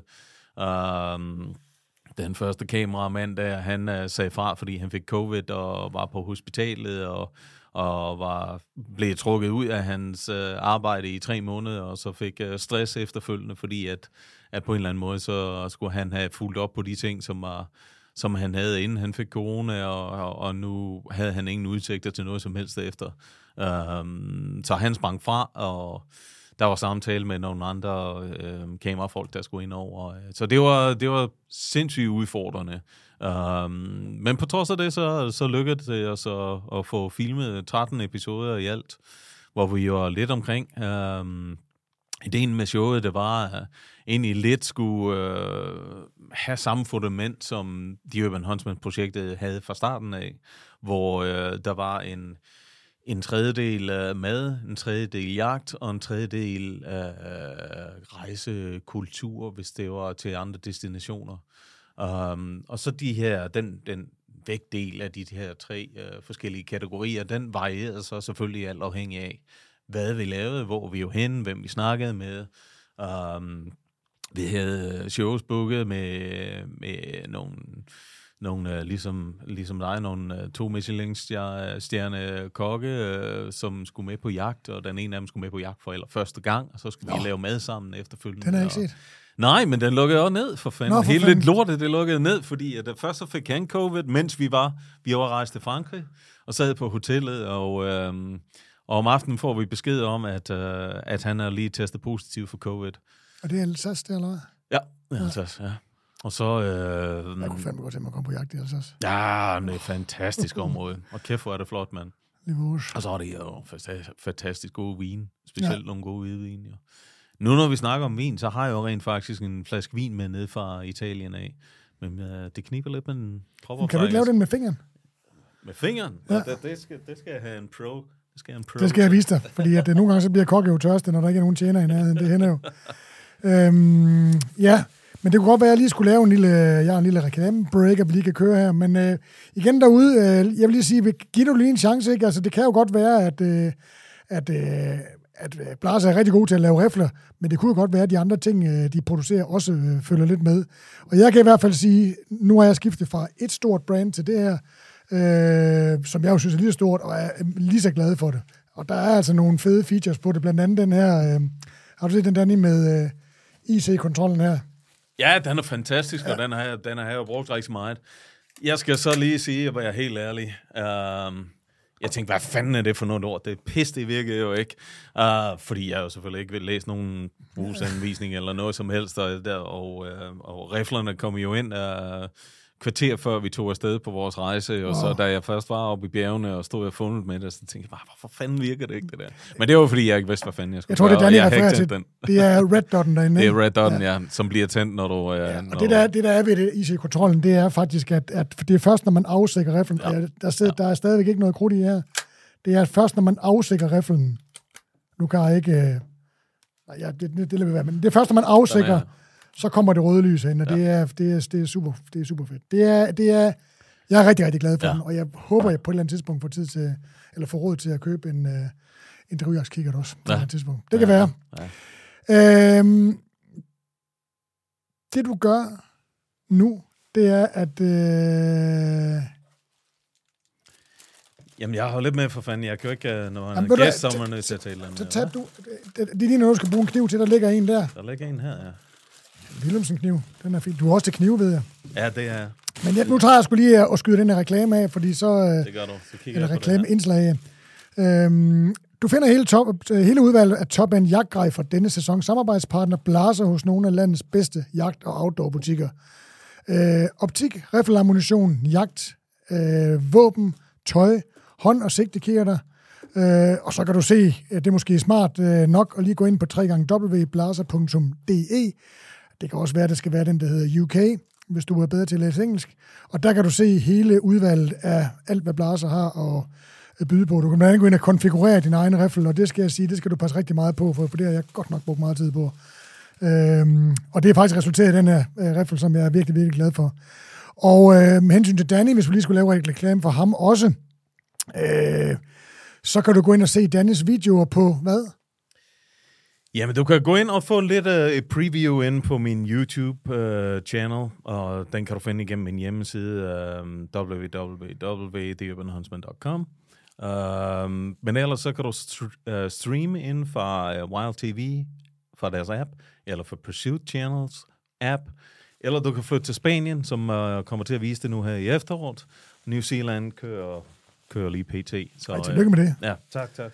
Og hvis du er til Blaser og rigtig gerne vil se, hvordan Blasers både tøj og våben fungerer, jamen så er Danny Christensen, the, the Urban Huntsman, iført, øh, jamen jeg tror, hele Jamen, jeg tror kollektionen. ikke, ja, der, er- det er hele kollektionen, der er på der. Ja. Ja. Lag på lag på lag på lag. Ja. Fedt. Godt, og nu skal vi til noget mad, kan jeg se. Øh, Det skal vi, fordi jeg bor jo i Emilia Romana. Det er jo der, hvor mit, uh, mit hus det ligger, oh. og uh, det er jo parmaskinke, det er parmesanost, og, og så der, hvor min, uh, mit sommerhus ligger, det er... Um, ja. Ej, nu skal jeg se, hvad fanden du laver der. jeg håber, de her bukser fra Blaser, de er vandtætte, eller vintætte. Eller begge dele. Fordi som køkkenchef, der bliver man jo rigtig, rigtig god til at stikke fingrene i andre folks ting og sager. Det lyder ellers hyggeligt. Det lykkes, eller hvad? Ja, selvfølgelig. Det var Det jo bare en flaske vin. Ja, men det er fordi, det er jo... Øhm, det så jeg jo i gang med at lige nævne der. Hvorfor det skal ikke. Det som jeg jo i gang med at nævne, det er den dag, hvor mit, uh, mit sommerhus, der det ligger, um, er blevet kendt for de her naturvine. Så det er naturvin fra en af mine gode kammerater, Mr. Shun, som er japaner, som bor i Italien, som laver de her fantastiske naturvine. Ja, væk med det. Jeg ved ikke med det Væk der med du det vand der. Fy Og nu vil jeg sige, nu lykkes det jo. Hvis, hvis, du har, hvis jeg vidste, du havde sagt det der, så har jeg jo taget den røde. Og nu har jeg min gode ven, øh, vi kalder ham bare PG derude. Øh, han prøver jo altid at få mig til at drikke naturvin, og jeg kæmper altid imod. Ja, og det har jeg sgu også gjort traditionelt. Ja. Ja. Men uh, vent nu Men du forstår, og den der tud der, den får mig altså til at tænke, at jeg kan sgu ikke sige noget til Danny. Han er gammel bouncer. Jeg får ind på Ja, men uh, for et hak i tuden. nu skål, Thomas, så, uh, så kan det være, at du bider tungen bagefter. Ja, det, det dufter af naturvin, men det dufter af god naturvin. Mm. Ja, Den har, den har rigtig godt af at lige stå og trække i et stykke tid. Han skal lige trække i en, i en times tid. Der er jo sådan en, en den der naturgæring, den smager jo helt anderledes. Ja. Men er fant- fantastisk, og der er rigtig mange i min dal. Dalen er blevet kendt for de her naturvine. Hvad er dalen? Uh, Valtrebbia. Valtrebia. Valtrebbia. Den ligger en time og kvarter syd for Milano. Byen, øh, byen hedder Piacenza, og der starter dalen, og så kører den hele vejen derfra, øhm, og så helt ned til Genova. Og så kommer du, altså dalen går fra igennem øh, Emilia Romagna, min øh, region, og så ned, ned til Liguria og ned til Genova. Lækkert. Lad os lige prøve, nu, nu tager Du vi var lige... sulten, var du ikke? Jamen, jeg- nu sætter jeg dig et spørgsmål, og så går jeg i gang med okay. den der ost der. Øh, kunne du... Hvad er din, hvad er din yndlings... Øh, for det faktisk det, det, jeg ligesom prøver at, at koble det her... Øh, den her, den her, den her sæson af kok og kok imellem, det er jo, det er jo maden. Men for at kunne lave maden, der skal man jo have noget vildt. Hvad er din, hvad er din yndlings øh, vildt art? Altså, hvad, øh, og, og, hvorfor, og hvad er, det, hvad er det, der gør, at den... Altså, ganske kort med jagtting, det tænker jeg, det kunne du bruge lang tid på, men øh, i respekt for programmets nytår, skulle måske lige sige, men altså, ganske kort fortæl, hvad der er ved jagten på det her dyr, og så hvad der er ved, hvad, hvad der er ved kødet, når, når du skal lave det bagefter. Jamen, øhm, hmm, den er nok lidt, lidt tricky. Øhm, umiddelbart, hvis jeg skal nævne en, så er det nok uh, den whitetail. Whitetail deer i, um, i USA. Og det er jo fordi, at den er over det hele. Altså, er, det Er det er USA's rådyr. Ja, det er USA's rådyr, lige nøjagtigt. Og den smager, øh, efter min mening, meget bedre end rådyrt. Um, du er lidt over af noget, noget dårdyr. Um, og så er den, øh, som sagt, over det hele. Den er tilgængelig. Den er i baghaverne i suburban USA over det hele. Den er inde i, sågar inde i, inde i byerne. Så du har, du har tilgang til det, og du har mulighed for at komme på jagt efter den, og den har en, en, en god størrelse, altså større, på størrelse med dårdyr, med lidt større, øh, alt afhængig af, hvor i USA du er henne af. Og, øhm, og så synes jeg, at den er fantastisk alsidig, Uh, når vi snakker om, om, om maden. Igen, så skal du lade være med at, at overstege dit lort, eller du skal lade være med at Uh, du skal lade være med at uh, smide alt for meget krydderier på det, eller ja, for mange ingredienser sammen. Og, men det er, um, det er en smag, og det er en kød, det er en vildart, som kan stå selv, og egentlig har, kan, kan være hovedingrediensen, og burde være hovedingrediensen, hvor det ikke, den, ikke skal, den ikke skal have for mange andre... Uh, uh, ja... Uh, Smagsretninger Ja, det, det, det skal den ikke. Den kan godt bære det, uden, øh, uden at rent faktisk gå ind og, og ja, øh, steges for mig, ligesom de traditionelle har gjort, og det tror jeg, det er, det er nok derfor, at jeg synes, øh, at den er interessant. Øh. Er den, er den lidt, er den, er den, mange synes jo, at råvildt er meget, især bukker og sådan noget, er meget sådan, har sådan en ram, øh, lidt harsk øh, smag. Ja. Øh, og derfor er der rigtig mange, der godt kan lide Sika og, ja. og, og, og Då, ja, fordi de er, ligesom lidt bløde er mildere og lidt, ja. måske lidt sødere i det. Ja. Jeg, jeg, jeg, jeg elsker det hele. Ja. Jeg synes ikke, der er noget, der smager dårligere end det andet. Øh, og jeg synes ikke, ting, hvis man tilbereder det ordentligt, ligesom bliver for gamey, som det hedder på engelsk, det der med, at det bliver for, Nå, det for ramt og tørt. Og, og, men det vil sige, det minder mere om en, øh, om en, øh, om, om, om dovildt. Ja, det, det synes jeg, men altså, det har lidt mere gamey smag, og den er ikke så sød. Den er ikke så sød i, i smagen, som, som dårdyr for det meste er. Um, ja, for en begynder, der kan man sige, en doghalv er jo, ja. det er jo nærmest slik, ikke? Altså, ja. Ja, det må, for mig må det godt have lidt mere karakter. Ja, det giver dig, det giver dig ret i. Men du, du kan tage et stykke um, whitetail, og du kan kaste på bål, og du kan, du kan brænde uh, yderdelen og, og, og få en rigtig god uh, char på den, og hvor inderdelen er, er rå. Og der har du stadigvæk ikke, du får ikke den der, øh, den, den kraftige, uh, gamey, uh, dyre uh, smag der. Det, det får du ikke. Det er der på trods af det, at du går ind og tilfører den meget hård varme, uh, så får du altså ikke den der gamey smag i den. Um, hvad, hvad, hvad, hvad vil du lave? Kan, hvad, hvad vil din yndlingsopskrift være med, med Whitetail? Jamen, jeg kan rigtig godt lide at, at faktisk bare øh, give den meget høj varme, meget kort på, Nå, på udga- udskæring snakker vi? Altså, det, øh... Ja, men det er sgu næsten lige meget, hvad fanden udskæring det er. Det, det afhænger helt af, øh, altså hvis du går ind i, i, i den asiatiske retning, så, øh, så kan du jo næsten tage det råt og lave tatar ud af det. Og så øh, have en, en eller anden form for sauce til, du, du laver med noget, øh, med noget forskellige chili, og med, med måske med noget tamari, og, og lidt hvidvinsedike, eller lidt øh, risvinsedike, og, og ellers så kan du, tit og ofte så, øh, så lader jeg jo kød tale for sig selv, og så, så bliver det øh, noget salt og noget peber på, og så højt varme, Ja, ja, ja selvfølgelig. Um, det kan lytterne sige, jeg peger ned på, eller øh, jeg peger ned på mm. rosmarin og, og lavbær.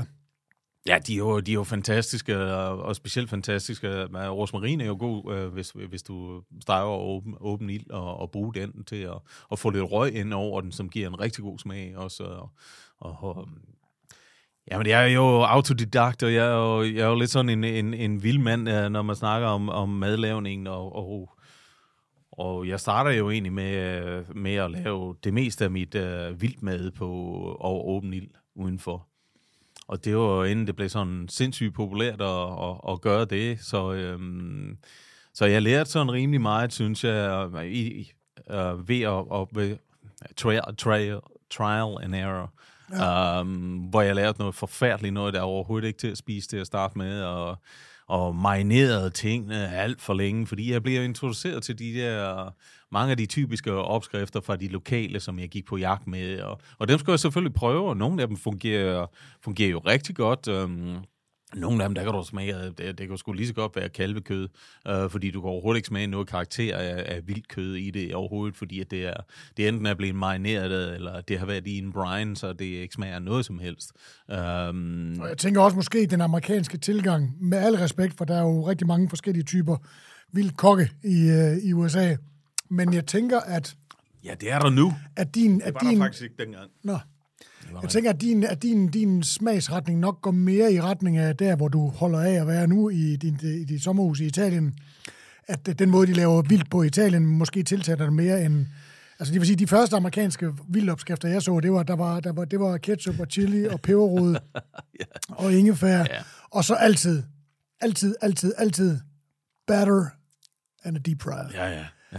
Og jeg, jeg, jeg ved det ikke. Jo, Ja, men du kan jo æde en hjemmesko, der er deep fried. det er det, jeg mener. Altså, jo, jeg synes så- også, det er jo ikke fordi, jeg ikke synes, Nej. et stykke kød, der, der, er- der er breaded og, og deep fried, ikke smager godt. Mm.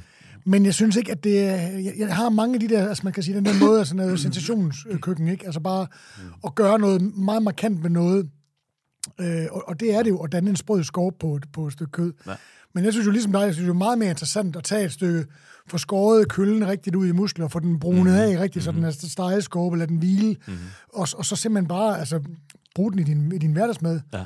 Altså, når man, når man skyder meget og er heldig, øh, så har man jo meget vildt kød. Ja, Og jeg har jo den der, som jeg også fornemmer, du har den der forpligtelse med, at altså alt. alt skal bruges. Altså i år skal jeg lære, da jeg arbejdede i Østrig for mange år siden, der lavede vi en ret, der hed Beuschel, som øh, er lunger.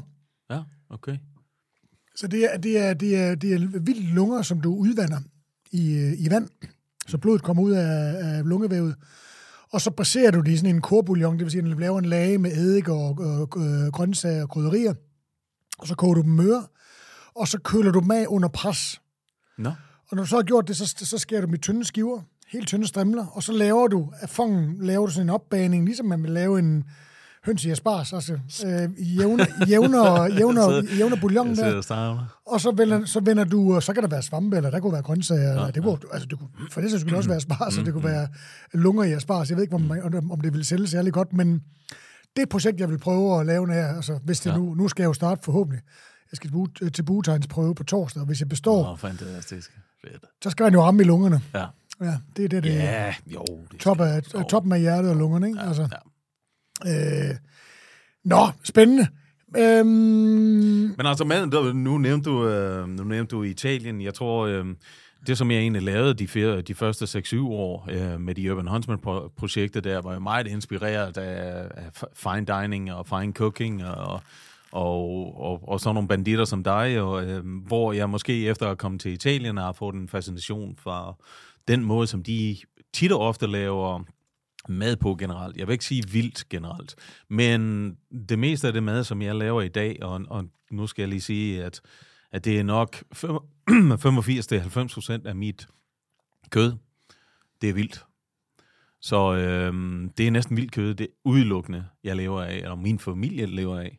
Øhm, men det går tilbage til noget mere simpelt, lidt mere rustic.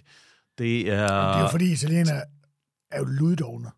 Og det, ja, er det stor, er de. og det er med Nå, stor respekt hold og kærlighed. kæft. Nej, ja, ja. To fingre i næsen og en i Nej, røven, det- ikke? og det- så det- noget rødvin, og så kører det, ikke? Jamen, det skal vi slet ikke komme ind på. Det er, det er fuldstændig vanvittigt. Vi laver fandme god mad. Ja, men hold kæft, de laver god mad, og det er jo en fantastisk måde at leve på, hvis, man, øh, hvis det fungerer for en. Men øh, når man kommer som, øh, som dansker, eller har boet i USA, hvor, øh, hvor tingene er- har en, øh, hvor folk har en lineær tankegang, og, og tingene øh, fungerer, der bliver fuldt op på tingene inden for øh, øh, aftaler bliver overholdt, og, og så videre, så kommer du ned til Italien, og, og du... Øh, Altså de første par år, så hiver du bare op.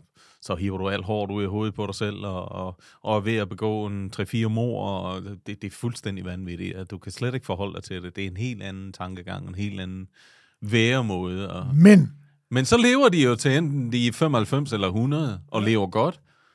Og har du en fornemmelse af, at de, øh, at de oftere sætter vildt på bordet? Altså, jeg, jeg, har, en, jeg har sådan et billede af italiener, der sidder, det er noget, man, der, der, man mødes lige, og så kommer man noget med noget rødvin, og Ja. så er der nogen, der har en ret, der står på komfuret og bobler. Og, Ja.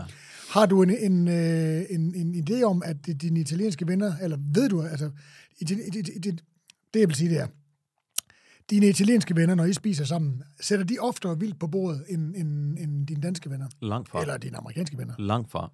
Nå, Langt fra.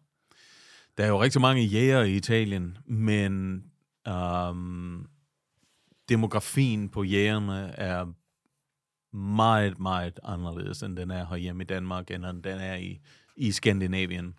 Det er generationsjæger Det er dem, der er blevet introduceret igennem familien, øh, igennem far eller farfar øh, eller morfar, og øh, de generationer er flyttet, enten så er de døde, eller så er de ved at dø, eller deres generationer, deres, de yngre generationer, altså, ja, den er god, den der. Den. Jeg holder lige blikket rettet mod Danny, så han ikke opdager, at jeg tager et stykke parmesanost med. Jamen, det er sgu da til dig, for fanden. Til os. Mm. Um, de yngre generationer er søgt ind til byerne, og øh, nu har vi ikke nogen jæger mere. Der, der kommer et... Øh, ja, jeg tør ikke engang at spå om, hvordan og hvorledes det kommer til at, at gå, men, øh, men jeg tror, der, der kommer et generationsskifte nu her. Nu snakker vi om generationsskifte i uh, tidligere også, øh, men i, i Italien er det kommet, er det forsinket, fordi uh, vi har cirka 35-40% af jægerne globalt er babyboomer-generationen, og de, starter, de stopper med at gå på jagt, når de er omkring de der mellem 70 og 80. Og der er vi ved at være midt i den generationsskifte PT, så der kommer cirka 35-40% af jægerne forsvinder inden for de næste fem år globalt set. I, I Italien, der fortsætter jægerne længere, fordi de lever længere, og de er i bedre form længere. Uh, inde i deres ældre år, det er ikke unormalt at finde jæger på, uh, på rimelig krævende drivjagter, som er 85-90 år. Uh, men når den generation så er væk, så frygter jeg rigtig meget, hvad der kommer til at ske. Det er fordi, jeg har sådan, bare sådan et billede af, at, at, at, at, at vildt fylder ekstremt meget på bordet i Italien. Det gør det ikke. Altså, når du kommer ud på en restaurant, så er der jo... Øh, øh, det hedder det guanciale? Ja. Det hedder ikke guanciale, det er noget andet. Cinghiale. Oh, Cinghiale. Cinghiale. Det var mig, der brøvlede. Guanciale, det er noget andet. ja. det er kæbesnittet. Ja. Super. Flot, Rode. Der fik du lige smidt dig selv under bussen. Ah, det er fair nok. Cing- Cinguale. Cinghiale. Cinghiale. Ja, den er hård. Men jeg synes bare, at, øh, at der ser du sådan noget vildsvin i ragu, og, Jo. og at det er sådan, at du Så- ser på små restauranter. Som, som, som det eneste, som det eneste stykke vildt, så ser du vildsvinen på mange restauranter. Og det gør du på trods af, at der rent faktisk ikke er noget system dernede. Der er kun to steder i hele Italien, hvor jæger kan bringe deres øh, afskudte vildt ind, og rent faktisk sætte de ind i øh, Kommercielt kommercielt. Ja. til øh, supermarkeder og Ja. butikker. Og Ja, og der er jo ingen mening i, altså, øh, der er jo ikke en jæger, der kører 300 km for at, at sælge deres vildsvin, og så få 75, 75 eller 60 eller 65 euros for et vildsvin. Altså, det koster ham mere i benzin. Ja. Så der er ikke adgang til det. Så når du får det på de her restauranter, så er det for det meste bare, jeg har lige været ude og skyde i weekenden. det er nogen, der har været ude i skyde, og det har ikke været igennem af veterinær kontrol, som det jo skal.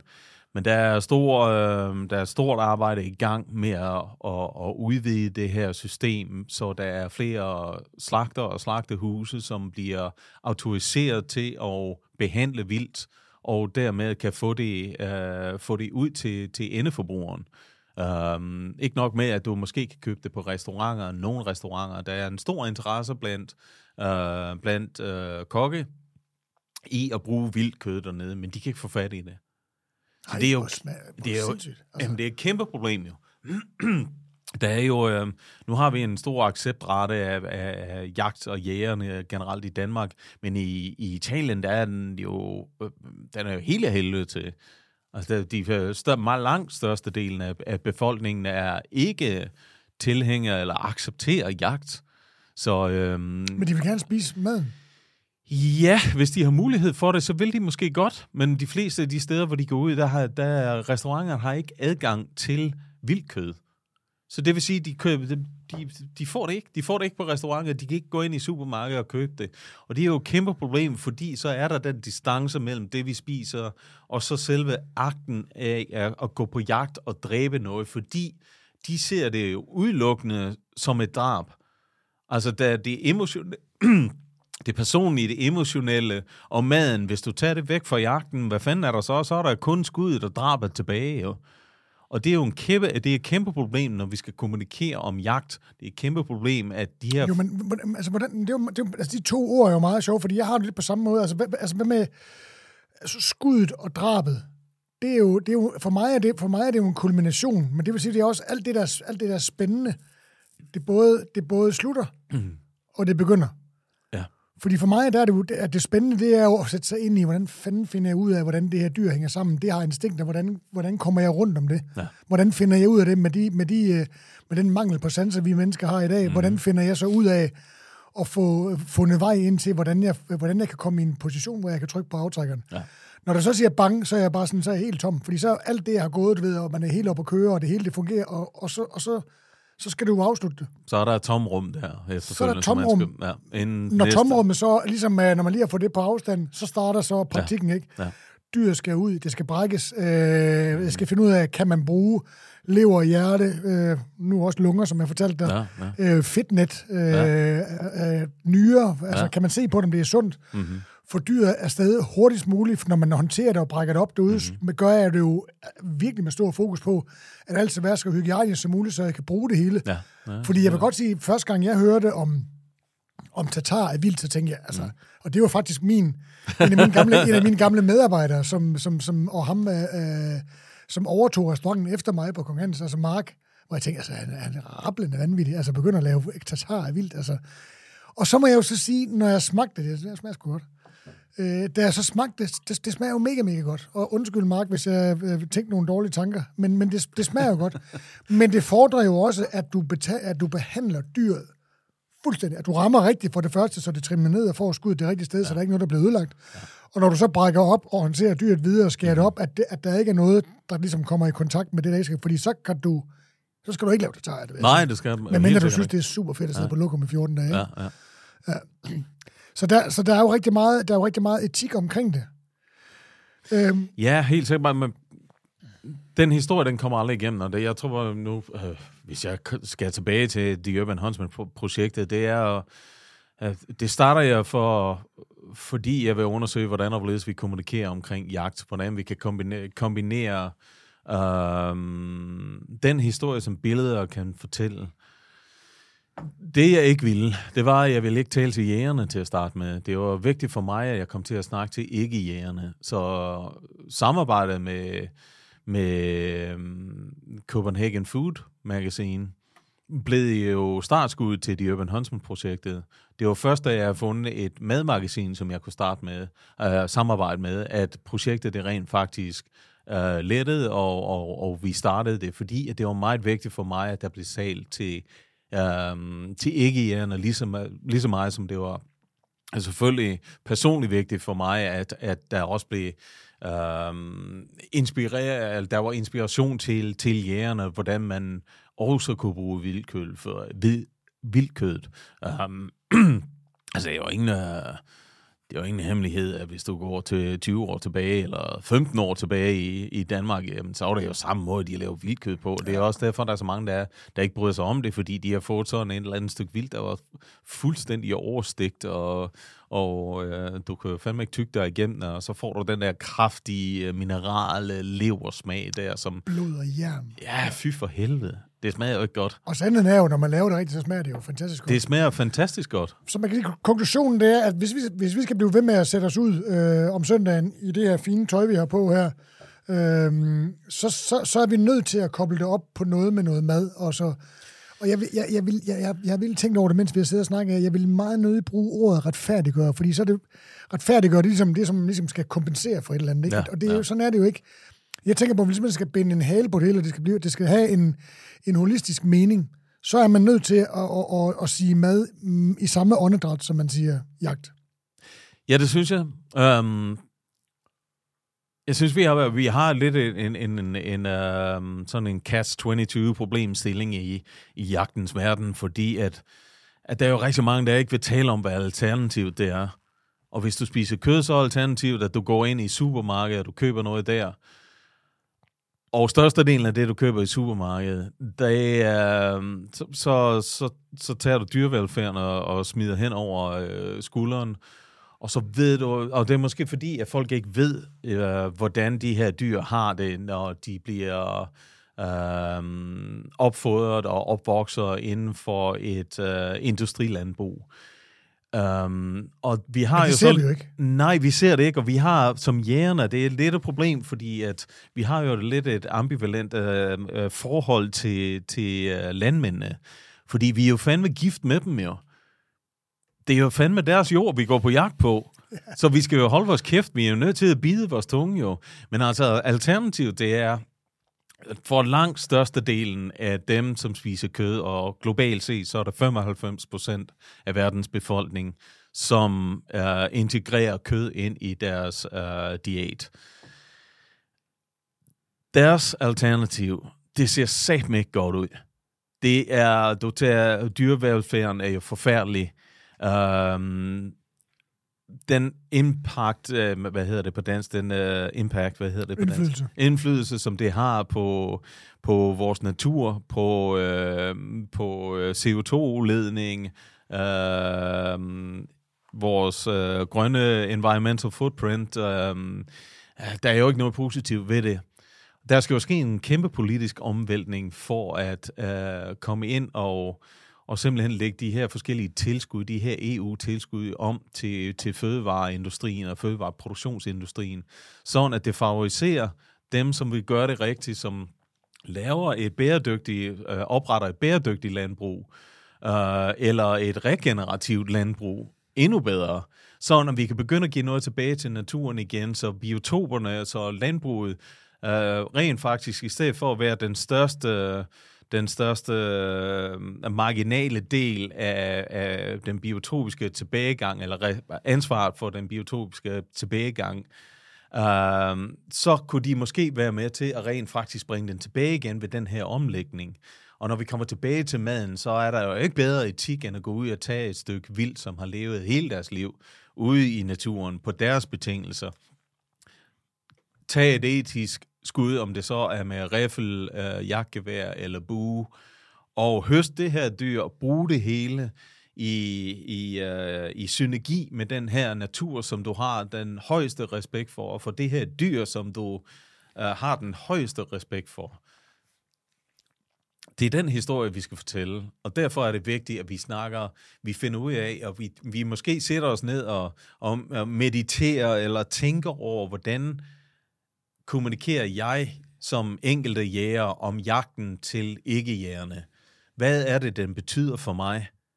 Hvordan vil jeg, hvis jeg skulle tage sådan en elevator pitch, eller møder en nede i supermarkedet, hvor jeg skal fortælle, hvad det betyder for mig at være jæger, og hvorfor jeg gør det, hvad vil jeg så sige med mine egne ord? Og tit og ofte, så er det jo det her med, at, at vi skal være ok med at snakke om det, det rent følelsesmæssige og det emotionelle som er en kæmpe del af jagten. Og vi skal finde ud af, hvordan og hvorledes vi sætter, hvordan og hvorledes vi sætter ord på det. Og hvis vi ikke, øh, hvis vi gør det, så kan vi kommunikere om hele jagten, også ved at blot udtage dele af den, om det så er selve skuddet, og det, der sker i drabs sekundet, eller det, der sker lige efter skuddet, eller om det er maden, eller om det er øh, vores biotopleje, som vi ellers bruger resten af året på at gøre, og sætte os ind i, hvordan og hvorledes vi kan optimere det for den her, for naturen og for den her øh, biodiversitet og vildbestanden, som vi sætter så høj pris på. Enig. Ja, ja. Skide, skide godt så. Så gør vi det. Lad os spise øhm, nu er vi på at snakke om, at det er, det er, at det er, det er maden, der ligesom kommer til at, igen, jeg havde at bruge ordet retfærdiggøre, men det er ligesom, det, det er ligesom maden, der, der, der gør, at man kan blive ved med at gå på jagt, synes jeg, i et eller andet omfang. Ikke? Øh, du har lavet en bog, du har, du har, du har nedlagt mange arter, øh, du har lavet en kogebog, det er nogle år siden, så vidt jeg husker. Ja, det er ved at være en 6-7 år siden, 7 år siden, tror jeg. Meget inspireret af sådan nordisk, øh, på trods af, at du vel boede i USA dengang, gjorde du det? Ja, jeg boede i USA. Ja. Det gjorde jeg. Ja. There it is. Åh, oh, den er godt nok flot, var. Ja, det er meget nordisk. Og man kan sige, med, med, med den her bog, det er, jo, det, er jo, det, er jo, det er jo faktisk mest derfor, du sidder her i dag. Udover, at jeg, jeg, jeg er super glad for, at du er her. Men det er jo meget med den her bog, og, og man kan sige, det der, det der ligger bag at lave en bog som den her, øh, der gør, at man ligesom kan, kan ja, nu siger det så igen, det ord, jeg havde, retfærdigt. Retfærdigt, ja. Altså, her har du jo nogle, jaget nogle, nogle, nogle forskellige arter, måske også nogle, man ikke sådan lige vil gå ud og jage, men du har faktisk brugt dem alle sammen til at lave mad af. Ja. Jeg tror ikke, der er rigtig meget. Der, øh, der er ikke ret mange arter, som vi ikke kan spise, hvis det er tilberedt rigtigt. Og øhm, jeg har efterfølgende, efter jeg har lavet bogen, har jeg brugt en del tid i Mexico, fordi min øh, nuværende øh, kone er fra Mexico, og hendes familie er, og jeg har en restaurant, en mexicansk restaurant i, i New York, og hele hendes familie her, der generationer tilbage, er, er fantastiske øh, kokke og har lavet mad. Om de startede, øh, hendes bedsteforældre startede med, med sådan en lille... Uh, sådan en lille vogn, hvor de stod nede i, i øh, Puebla i, i Mexico og, og lavede mad på sådan et, et, et uh, gadehjørne. Um, når du kommer derned, så får du lige pludselig øjnene op for, øh, øh, hvad der rent faktisk kan spises. Og jeg var dernede og, og høste øh, myreæg, for eksempel, og vi var ude og høste orme ude i de her øh, kæmpe magage-planter, planter, øh, og så lavede mad af dem efterfølgende. Og det var selvfølgelig lidt, fordi jeg synes det var interessant, og det var spændende, og, men det var lige så meget for at, at udfordre mig selv lidt, og finde ud af, hvordan fanden laver jeg, først og fremmest laver, laver jeg mad ud af ingredienser som græshopper for eksempel som vi var ude at fange dernede, og så lave mad af dem efterfølgende. Uh, til en historie også for, for Copenhagen Food Magazine, faktisk. Um, og der er jo ikke ret meget, uh, der er ikke ret mange af, af de her forskellige arter, som vi rent faktisk ikke kan spise, hvis, der bliver, hvis det bliver tilberedt rigtigt. Og det skal vi jo nok kigge på, fordi vi er 8 milliarder mennesker på jorden, og der skal, der skal til at komme noget alternativ. Og jeg vil sgu hellere spise en græshop, end jeg vil spise et, uh, et stykke labkylling, som er, er produceret af en celle, som så får lov til at vokse ind i et eller andet ja, glashus. Altså, altså, det er, altså bare CO2-aftrykket ved det. Altså, ja, det, ja, det, det, det, glem det. Ja. Altså, glem det. Ja, ja. Men vi kunne jo starte, vi kunne jo starte med at spise de, de, dyr, der bliver skudt. Kan du, kan du bare lige uh, ramse lidt op, hvor, hvor mange forskellige arter er der i bogen der? Jamen, det ved jeg sgu ikke. Hvad fanden er der? Um, er der en 10 stykker, tror jeg? Og hvad er den mest ekstreme? Det vidste du godt, jeg ville spørge om. Ja, jeg tænkte nok, den kom. Um, jamen, det er jo nok bjørnen. Det er jo nok bjørnen. Eller det er helt sikkert bjørnen for mig i hvert fald. Og hvad var det for en uh, type bjørn? Det er en sort bjørn, som blev skudt op i, i New York. Op i Woodstock. Okay. Ved mit hus i og, Woodstock. Og det, er, er det en, øh, er det en uh, predator, eller er det en... Uh, der er jo forskellige på bjørne. Også, de spiser også forskellige ting, forskellige tider. Ja, men de er omni, det, man kalder omnivores, altså de spiser det hele. De spiser det, hvad, hvad, hvad de har mulighed for at spise. Sådan en som Sorbjørn uh, i, i New York, um, de spiser de spiser bær. De spiser, der er rigtig mange blåbær op i, i New York-området, så det er jo, det er jo sæsoner, så, så spiser de bær, når de er klar der i september. Så spiser de uh, æren, når de falder hen af i sidst i sidst i oktober, først i september, alt afhængig af, hvor, hvor højt du er op. Så spiser de orme, de spiser rødder, de spiser blade, de spiser... Så man kan lige så godt, altså når jeg lige hører de det der... De spiser whitetail, de spiser... Uh, Humans. De, ja, de spiser din hund. De spiser, ja. hvad, de, hvad de kommer i nærheden af. Men det vil en stor vildsvine oven i også gøre. Ja. ja så, så hvis man kan spise en vildsvine ja. oven, så kan man også spise en... Uh... Det kan du. Jeg har fået både rå bjørnehjerte og, og, og tilberedt bjørnehjerte. Ja i Finland. Det smager sgu godt. Uh, den der med, den der med det rå bjørnehjerte, det skal man så lige passe lidt på med, for øhm, de, de bærer jo, nogle af dem bærer jo ja. øhm, trigonella. Så, øhm, så der skal du lige have den testet. Jamen, jeg tror, det var testet, det var på restaurant, så det var... Ja, ja, okay, ja, ja. okay. Ja, jeg, jeg kender godt historien med... Så sad jo i vild, vildmarken der, og... Og der er jo sindssygt mange opdagelsesrejsende, der døde af at spise, for eksempel ja. altså isbjørne ja. øh, inden mad, ikke? Ja, ja, så, så skider de sig selv ihjel, ja. ja. ja. Ja, det er der ikke meget ved. Men ja. uh, Bjørn, var, Bjørn var fantastisk, og jeg har haft mange... Jeg har haft mange muligheder for at tage en bjørn, før jeg tog en bjørn. Jeg har haft mange gange, hvor jeg har siddet op i, i træ, hvor de har gået lige nedenunder. Jeg har sågar haft en gang, hvor jeg har siddet op i sådan en, en tree stand, hvor den er begyndt at kravle op, fordi den skulle op og se, hvad jeg lavede deroppe. Um, og det er jo det, jeg synes ved bjørn. De kan jo løbe hurtigere end dig, de kan svømme hurtigere end ja, dig, det de, de kan klatre hurtigere end dig. Ja, ja, ja, du kan ikke komme væk fra dem. Ja. Men jeg har aldrig, øhm, nu når vi snakker lidt om, om den måde, som, som vi tager vild på, eller høster vild på, øhm, for mig så er det meget emotionelt øh, ladet, om, om jeg trykker på aftrækkeren, eller jeg ikke gør. Og det er ikke noget, jeg sidder og tænker over. Det er simpelthen en, en følelse, jeg har i kroppen, som jeg har lært at lytte til, om det er rigtigt, eller det er ikke rigtigt. Når jeg snakker med andre mennesker og andre jæger og har dem med ude, øh, Um, og de afgiver skud, så det, det første, jeg spørger om, det er, hvordan føles skuddet? Hvordan havde du det i skud? Øh, afgivelsessekund, eller det splitsekund, da du afgiver skuddet. Hvordan havde du det på det tidspunkt? Fordi for mig, så fortæller det rigtig meget om, hvad tilstand du var i, hvor sikker du var på skuddet, øhm, og om du rent faktisk har en god skudsituation, eller du ikke har.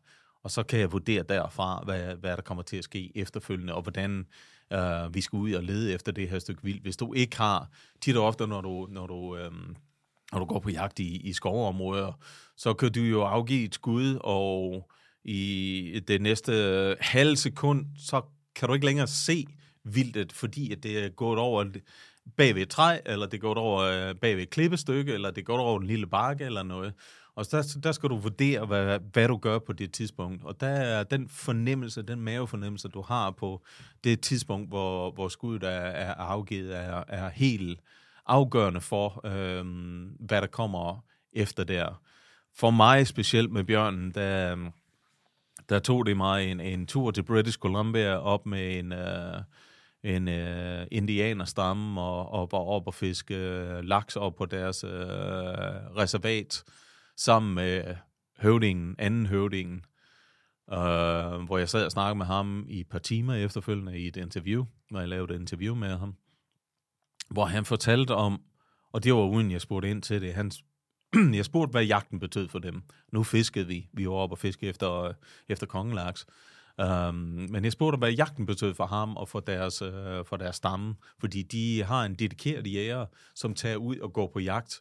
Han, uh, han går på jagt og fisker uh, 365 dage om året, og tager det hele, bringer det hele med, alt kødet og alt fiskene, tilbage til stammen, til dem, der ikke selv kan gå på jagt, eller ikke har, ikke har mulighed for det, ikke fysisk kan, eller måske ikke har tid til det, på grund af, at de har fået konventionelle øh, jobs, eller har en forretning.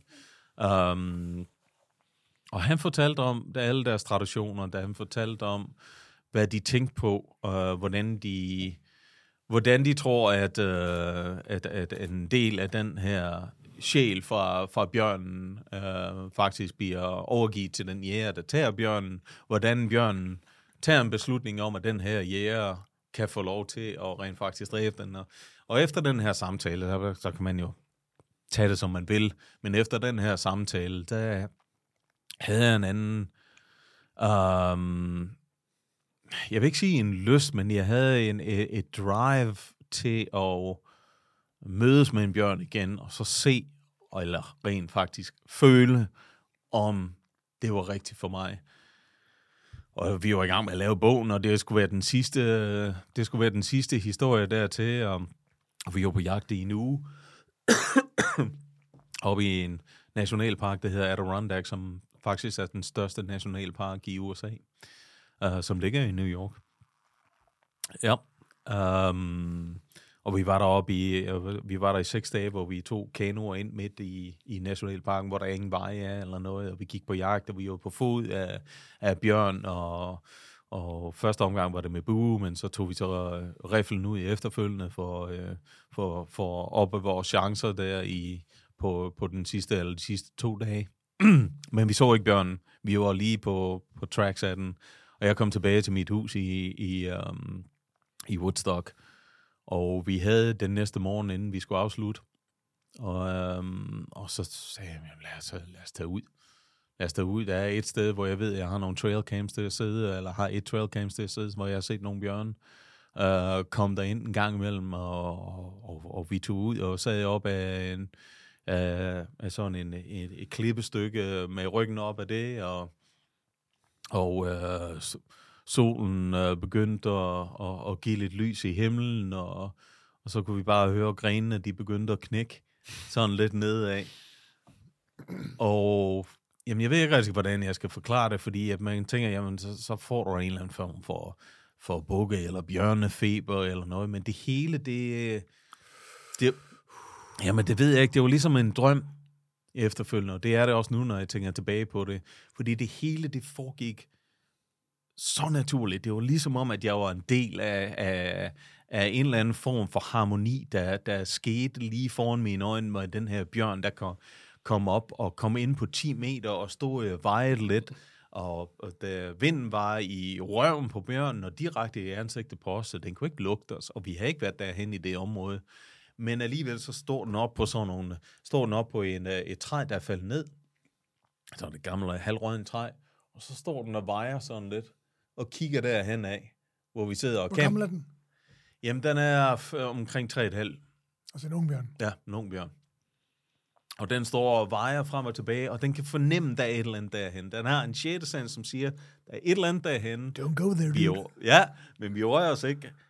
Uh, og den kan ikke se os, og den kan ikke lugte os. Men der er helt klart, at den fornemmer, at vi er der. Og øh, på det tidspunkt, jamen, så drejer den, så drejer den, og så slipper jeg bilen, og, og Og det var med buer oven i købet. ja, det var med bu. 10 meter væk. Ej, 10 meter væk, eller 9 meter faktisk. ja, tak. Ja. Og øhm, det var nok det mest, nu, nu brugte du ordet holistisk, og det er nok det mest holistiske jagtoplevelse, som jeg nogensinde har haft.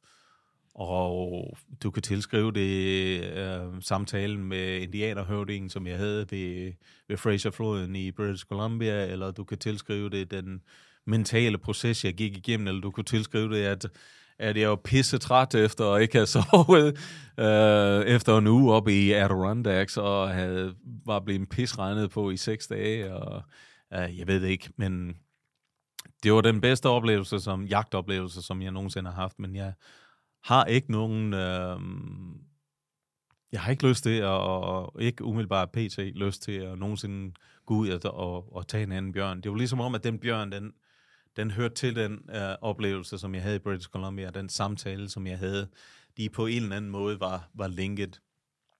Og så efterfølgende, så lavede vi noget fantastisk med af det.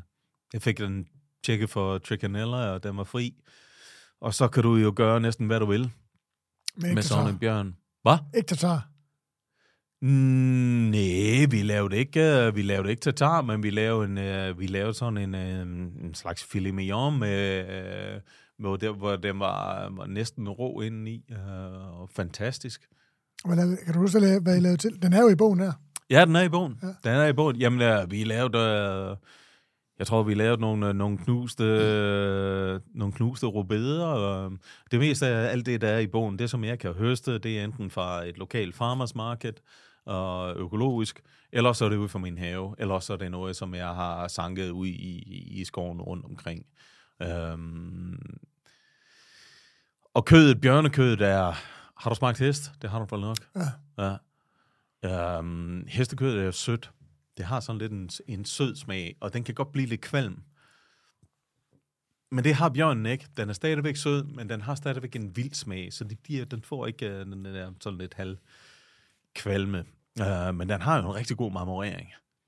Så der er en god, rigtig god fedt i. Og fedtet derfra, hvis du, uh, hvis du render... Hvad fanden hedder det? Dansk? smelter. Ja, smelter det. smelter ja. Ja, hvis der afsmætter fed, øh, fedtet, og så bruger det efterfølgende til at lave mad i, det er fantastisk. Altså, så kan, så kan Anne eller gåsefedt, der, øh, Okay. der kan det rende, øh, rende mig i røven. Altså, det er, det er helt fantastisk. Det er meget mere smag. Meget, meget mere smag. Ja. Ja. Men lige så godt, og, øh, og også lige så godt til høj temperatur, faktisk. Tallow. Mm-hmm. Jamen, øh, Danny, jeg, altså, vi er jo sat med kommet langt rundt, øh, og du har svaret på rigtig meget, som jeg havde skrevet ned, som jeg ikke har spurgt om, så det er jo fantastisk. Så jeg tænker, vi slutter af her med, nu er vi det, altså til jer trofaste lytter, der sidder derude og ikke er super øh, interesseret i selve jagtoplevelsen. Kunne du så ikke, øh, Danny, jeg tænker, du har, en- du har vel en bucketliste over, over en, en art, du gerne vil nedlægge, formentlig. Jeg har det faktisk ikke selv på den måde, egentlig. Men det kan godt være, så hvis du nu skulle, hvis du nu forestiller dig, at du havde en bucketliste over vildarter, og der var en, du gerne ville nedlægge for den kulinariske lydelse og en, og en, en ret, en tilberedning, en måde at spise den på, du måske havde gået og drømt om, hvad skulle det så være? Hmm. Mm, Ja. Ja, det ved jeg sgu faktisk ikke. Det, det, det er et rigtig godt spørgsmål, men jeg synes ikke umiddelbart lige, der er noget, som... Øhm, jeg får at vide, at access deer, som er fra Asien af, men der er en, en, en kæmpe bestand, og de bliver betragtet som en uh, invasiv art på Hawaii. ja. Og Journey. Den, og den skulle, den skulle være fantastisk smagende. Så den kunne jeg rigtig, for, uh, rigtig godt tænke mig at, at, at komme over til Hawaii. Ikke til Asien, men Hawaii og hente den derovre. Og så høste et par stykker, og så tage et par vildsvin med, og så ud og, fridykke lidt efter, efter nogle wahoo og spearfishe lidt. Og, og så skal jeg have sådan en uh, Hawaii-krans rundt om, om halsen der. Fedt. Ja. Så drik- det tror jeg, det, det naturvin til? Ja, det ved jeg sgu ikke. Hvad fanden serverer det derovre? Alkoholiske Ja, drikke? Eller andet, hvad ved jeg. Ja, det ved jeg sgu ikke. Hvis jeg skulle, hvis jeg, lige som jeg sidder her nu og kigger på dig, så, så tænker jeg, at mm, på min bucketliste, der vil jeg faktisk, og med din, der hvor du har dit sommerhus øh, taget i betragtning, med de historier, du har fortalt dernede fra, med den fantastiske ost, der ligger foran mig, og den fantastiske vin, som er naturvin, undskyld PG, du ved, hvem du er, øh, så, så på min bucketliste fra nu af, og nu skal man passe på, man må ikke invitere sig selv på jagt, på jagt men Det gør du så min, alligevel. på min, nej, det gør jeg ikke helt. Ej, så, ej, I'm wiser than that. Det skulle være at sidde på en, øh, en bjergtop. Det kunne være Japaninerne, Ja. øh, Italien, hvor man efter en, en, en, en hård dag, eller et par hårde dages jagt, havde fundet den helt rigtige gemse. Mm-hmm. Og så vil jeg, så vil jeg stå med, nu har jeg jo set din gamle, din, din gamle Urban Huntsman øh, video, eller film, hvad jeg kalder, hvad du vil, øh, med smedjernsgryden der, ikke? Og så sidde på sådan en træfod op på bjerget, Ja. og så i smedjernsgryden. Mm-hmm. Ved du, hvad jeg vil lave så? Mm. Nej, det ved du ikke. Nej, det ved jeg ikke. Jeg vil lave, der er to ting, jeg vil lave. Eller der er to ting, jeg vil vælge mellem. Den ene skulle være risotto. Lavet med borgen fra gemsen, lige skåret op i tern. Og så uh-huh. tilbereder du den, øh, så du faktisk tilbereder risen sammen med, med kødet. Og så monterer den med, med, med masser af friskreven parmesanost. Mm. Kogt med den hvide vin, vi sidder og drikker her. Ja, for. Og så vil jeg drikke den røde til. Det var sagen. Det vil være på min bucketliste. Du er lidt en bandit der med noget, synes jeg. Nej? Ja. Ja. Øh, og ellers så vil jeg, det kunne også være en, sådan en, en øh, hvad det, det hedder, øh, polenta. Ja, Polenta polenta kogt. er jo fantastisk. Og så, og så med stegt, øh, helt f- stegt frisk, øh, eller frisk grillet gemse hjerte hen over Ja. i tynde skiver. Ja. Jeg var sådan lidt... Øh... Jamen først og fremmest, så synes jeg lige, nu, nu skal jeg lige svare tilbage på den der. Og så kan jeg måske lige løfte sløret lidt for, for, øh, for øh, næste skridt af The Urban Huntsman. Fordi der er noget, jeg, der, der ligger lidt i, i baghånden her, som jeg håber på at kunne, uh, kunne sådan, uh, løfte sløret fuldt for PT, men uh, The Urban Huntsman Experience er uh, forhåbentlig en realitet fra næste år, og muligvis allerede fra den kommende jagtsæson. Så uh, jeg er i gang med at snakke med et, et, et, et gods, eller slot, i Italien, som ligger i Toskana, om at overtage deres øh, jagt på deres 600 hektar, og simpelthen lave en Urban Huntsman Experience. Og det er sgu, ja, det skal den sgu nok ikke hedde. Den skal nok hedde et eller andet smart, så jeg tænker jeg, eller Ja, det er der måske. Jeg ved det ikke rigtigt. Jeg tykker lidt over det. Jeg synes også, det er lidt øh, øh, egoistisk måske. Det ved jeg ikke, men øh, under alle omstændigheder, så er der en god chance for, at der kommer mulighed for de danske jæger, og for alle jæger rent faktisk at komme ned og gå på jagt og have en, øh, en jagtferie i Italien. Og i Toskana, der er der åben for både riffel og buejagt. Så det vil være efter dårdyr, det vil være efter råvildt, og det vil være efter, efter vildsvin. Um, Fedt. og der kommer selvfølgelig The Urban Huntsman, um, de forskellige tangenter, som, som vi nu har øh, spillet på med, med maden og med øh, naturen specielt. Øh, der kommer noget heste ind over, så vi kan rent faktisk ride ud i revider på, på hesteryg, og kan blive ude i revider natten over, hvis vi har lyst til det. Eller så kan vi komme tilbage og, og, og sove overnat på slottet, eller tage en, uh, tage en lille dip ned i poolen, og så gå på jagt den næste morgen. Det lyder mega fedt.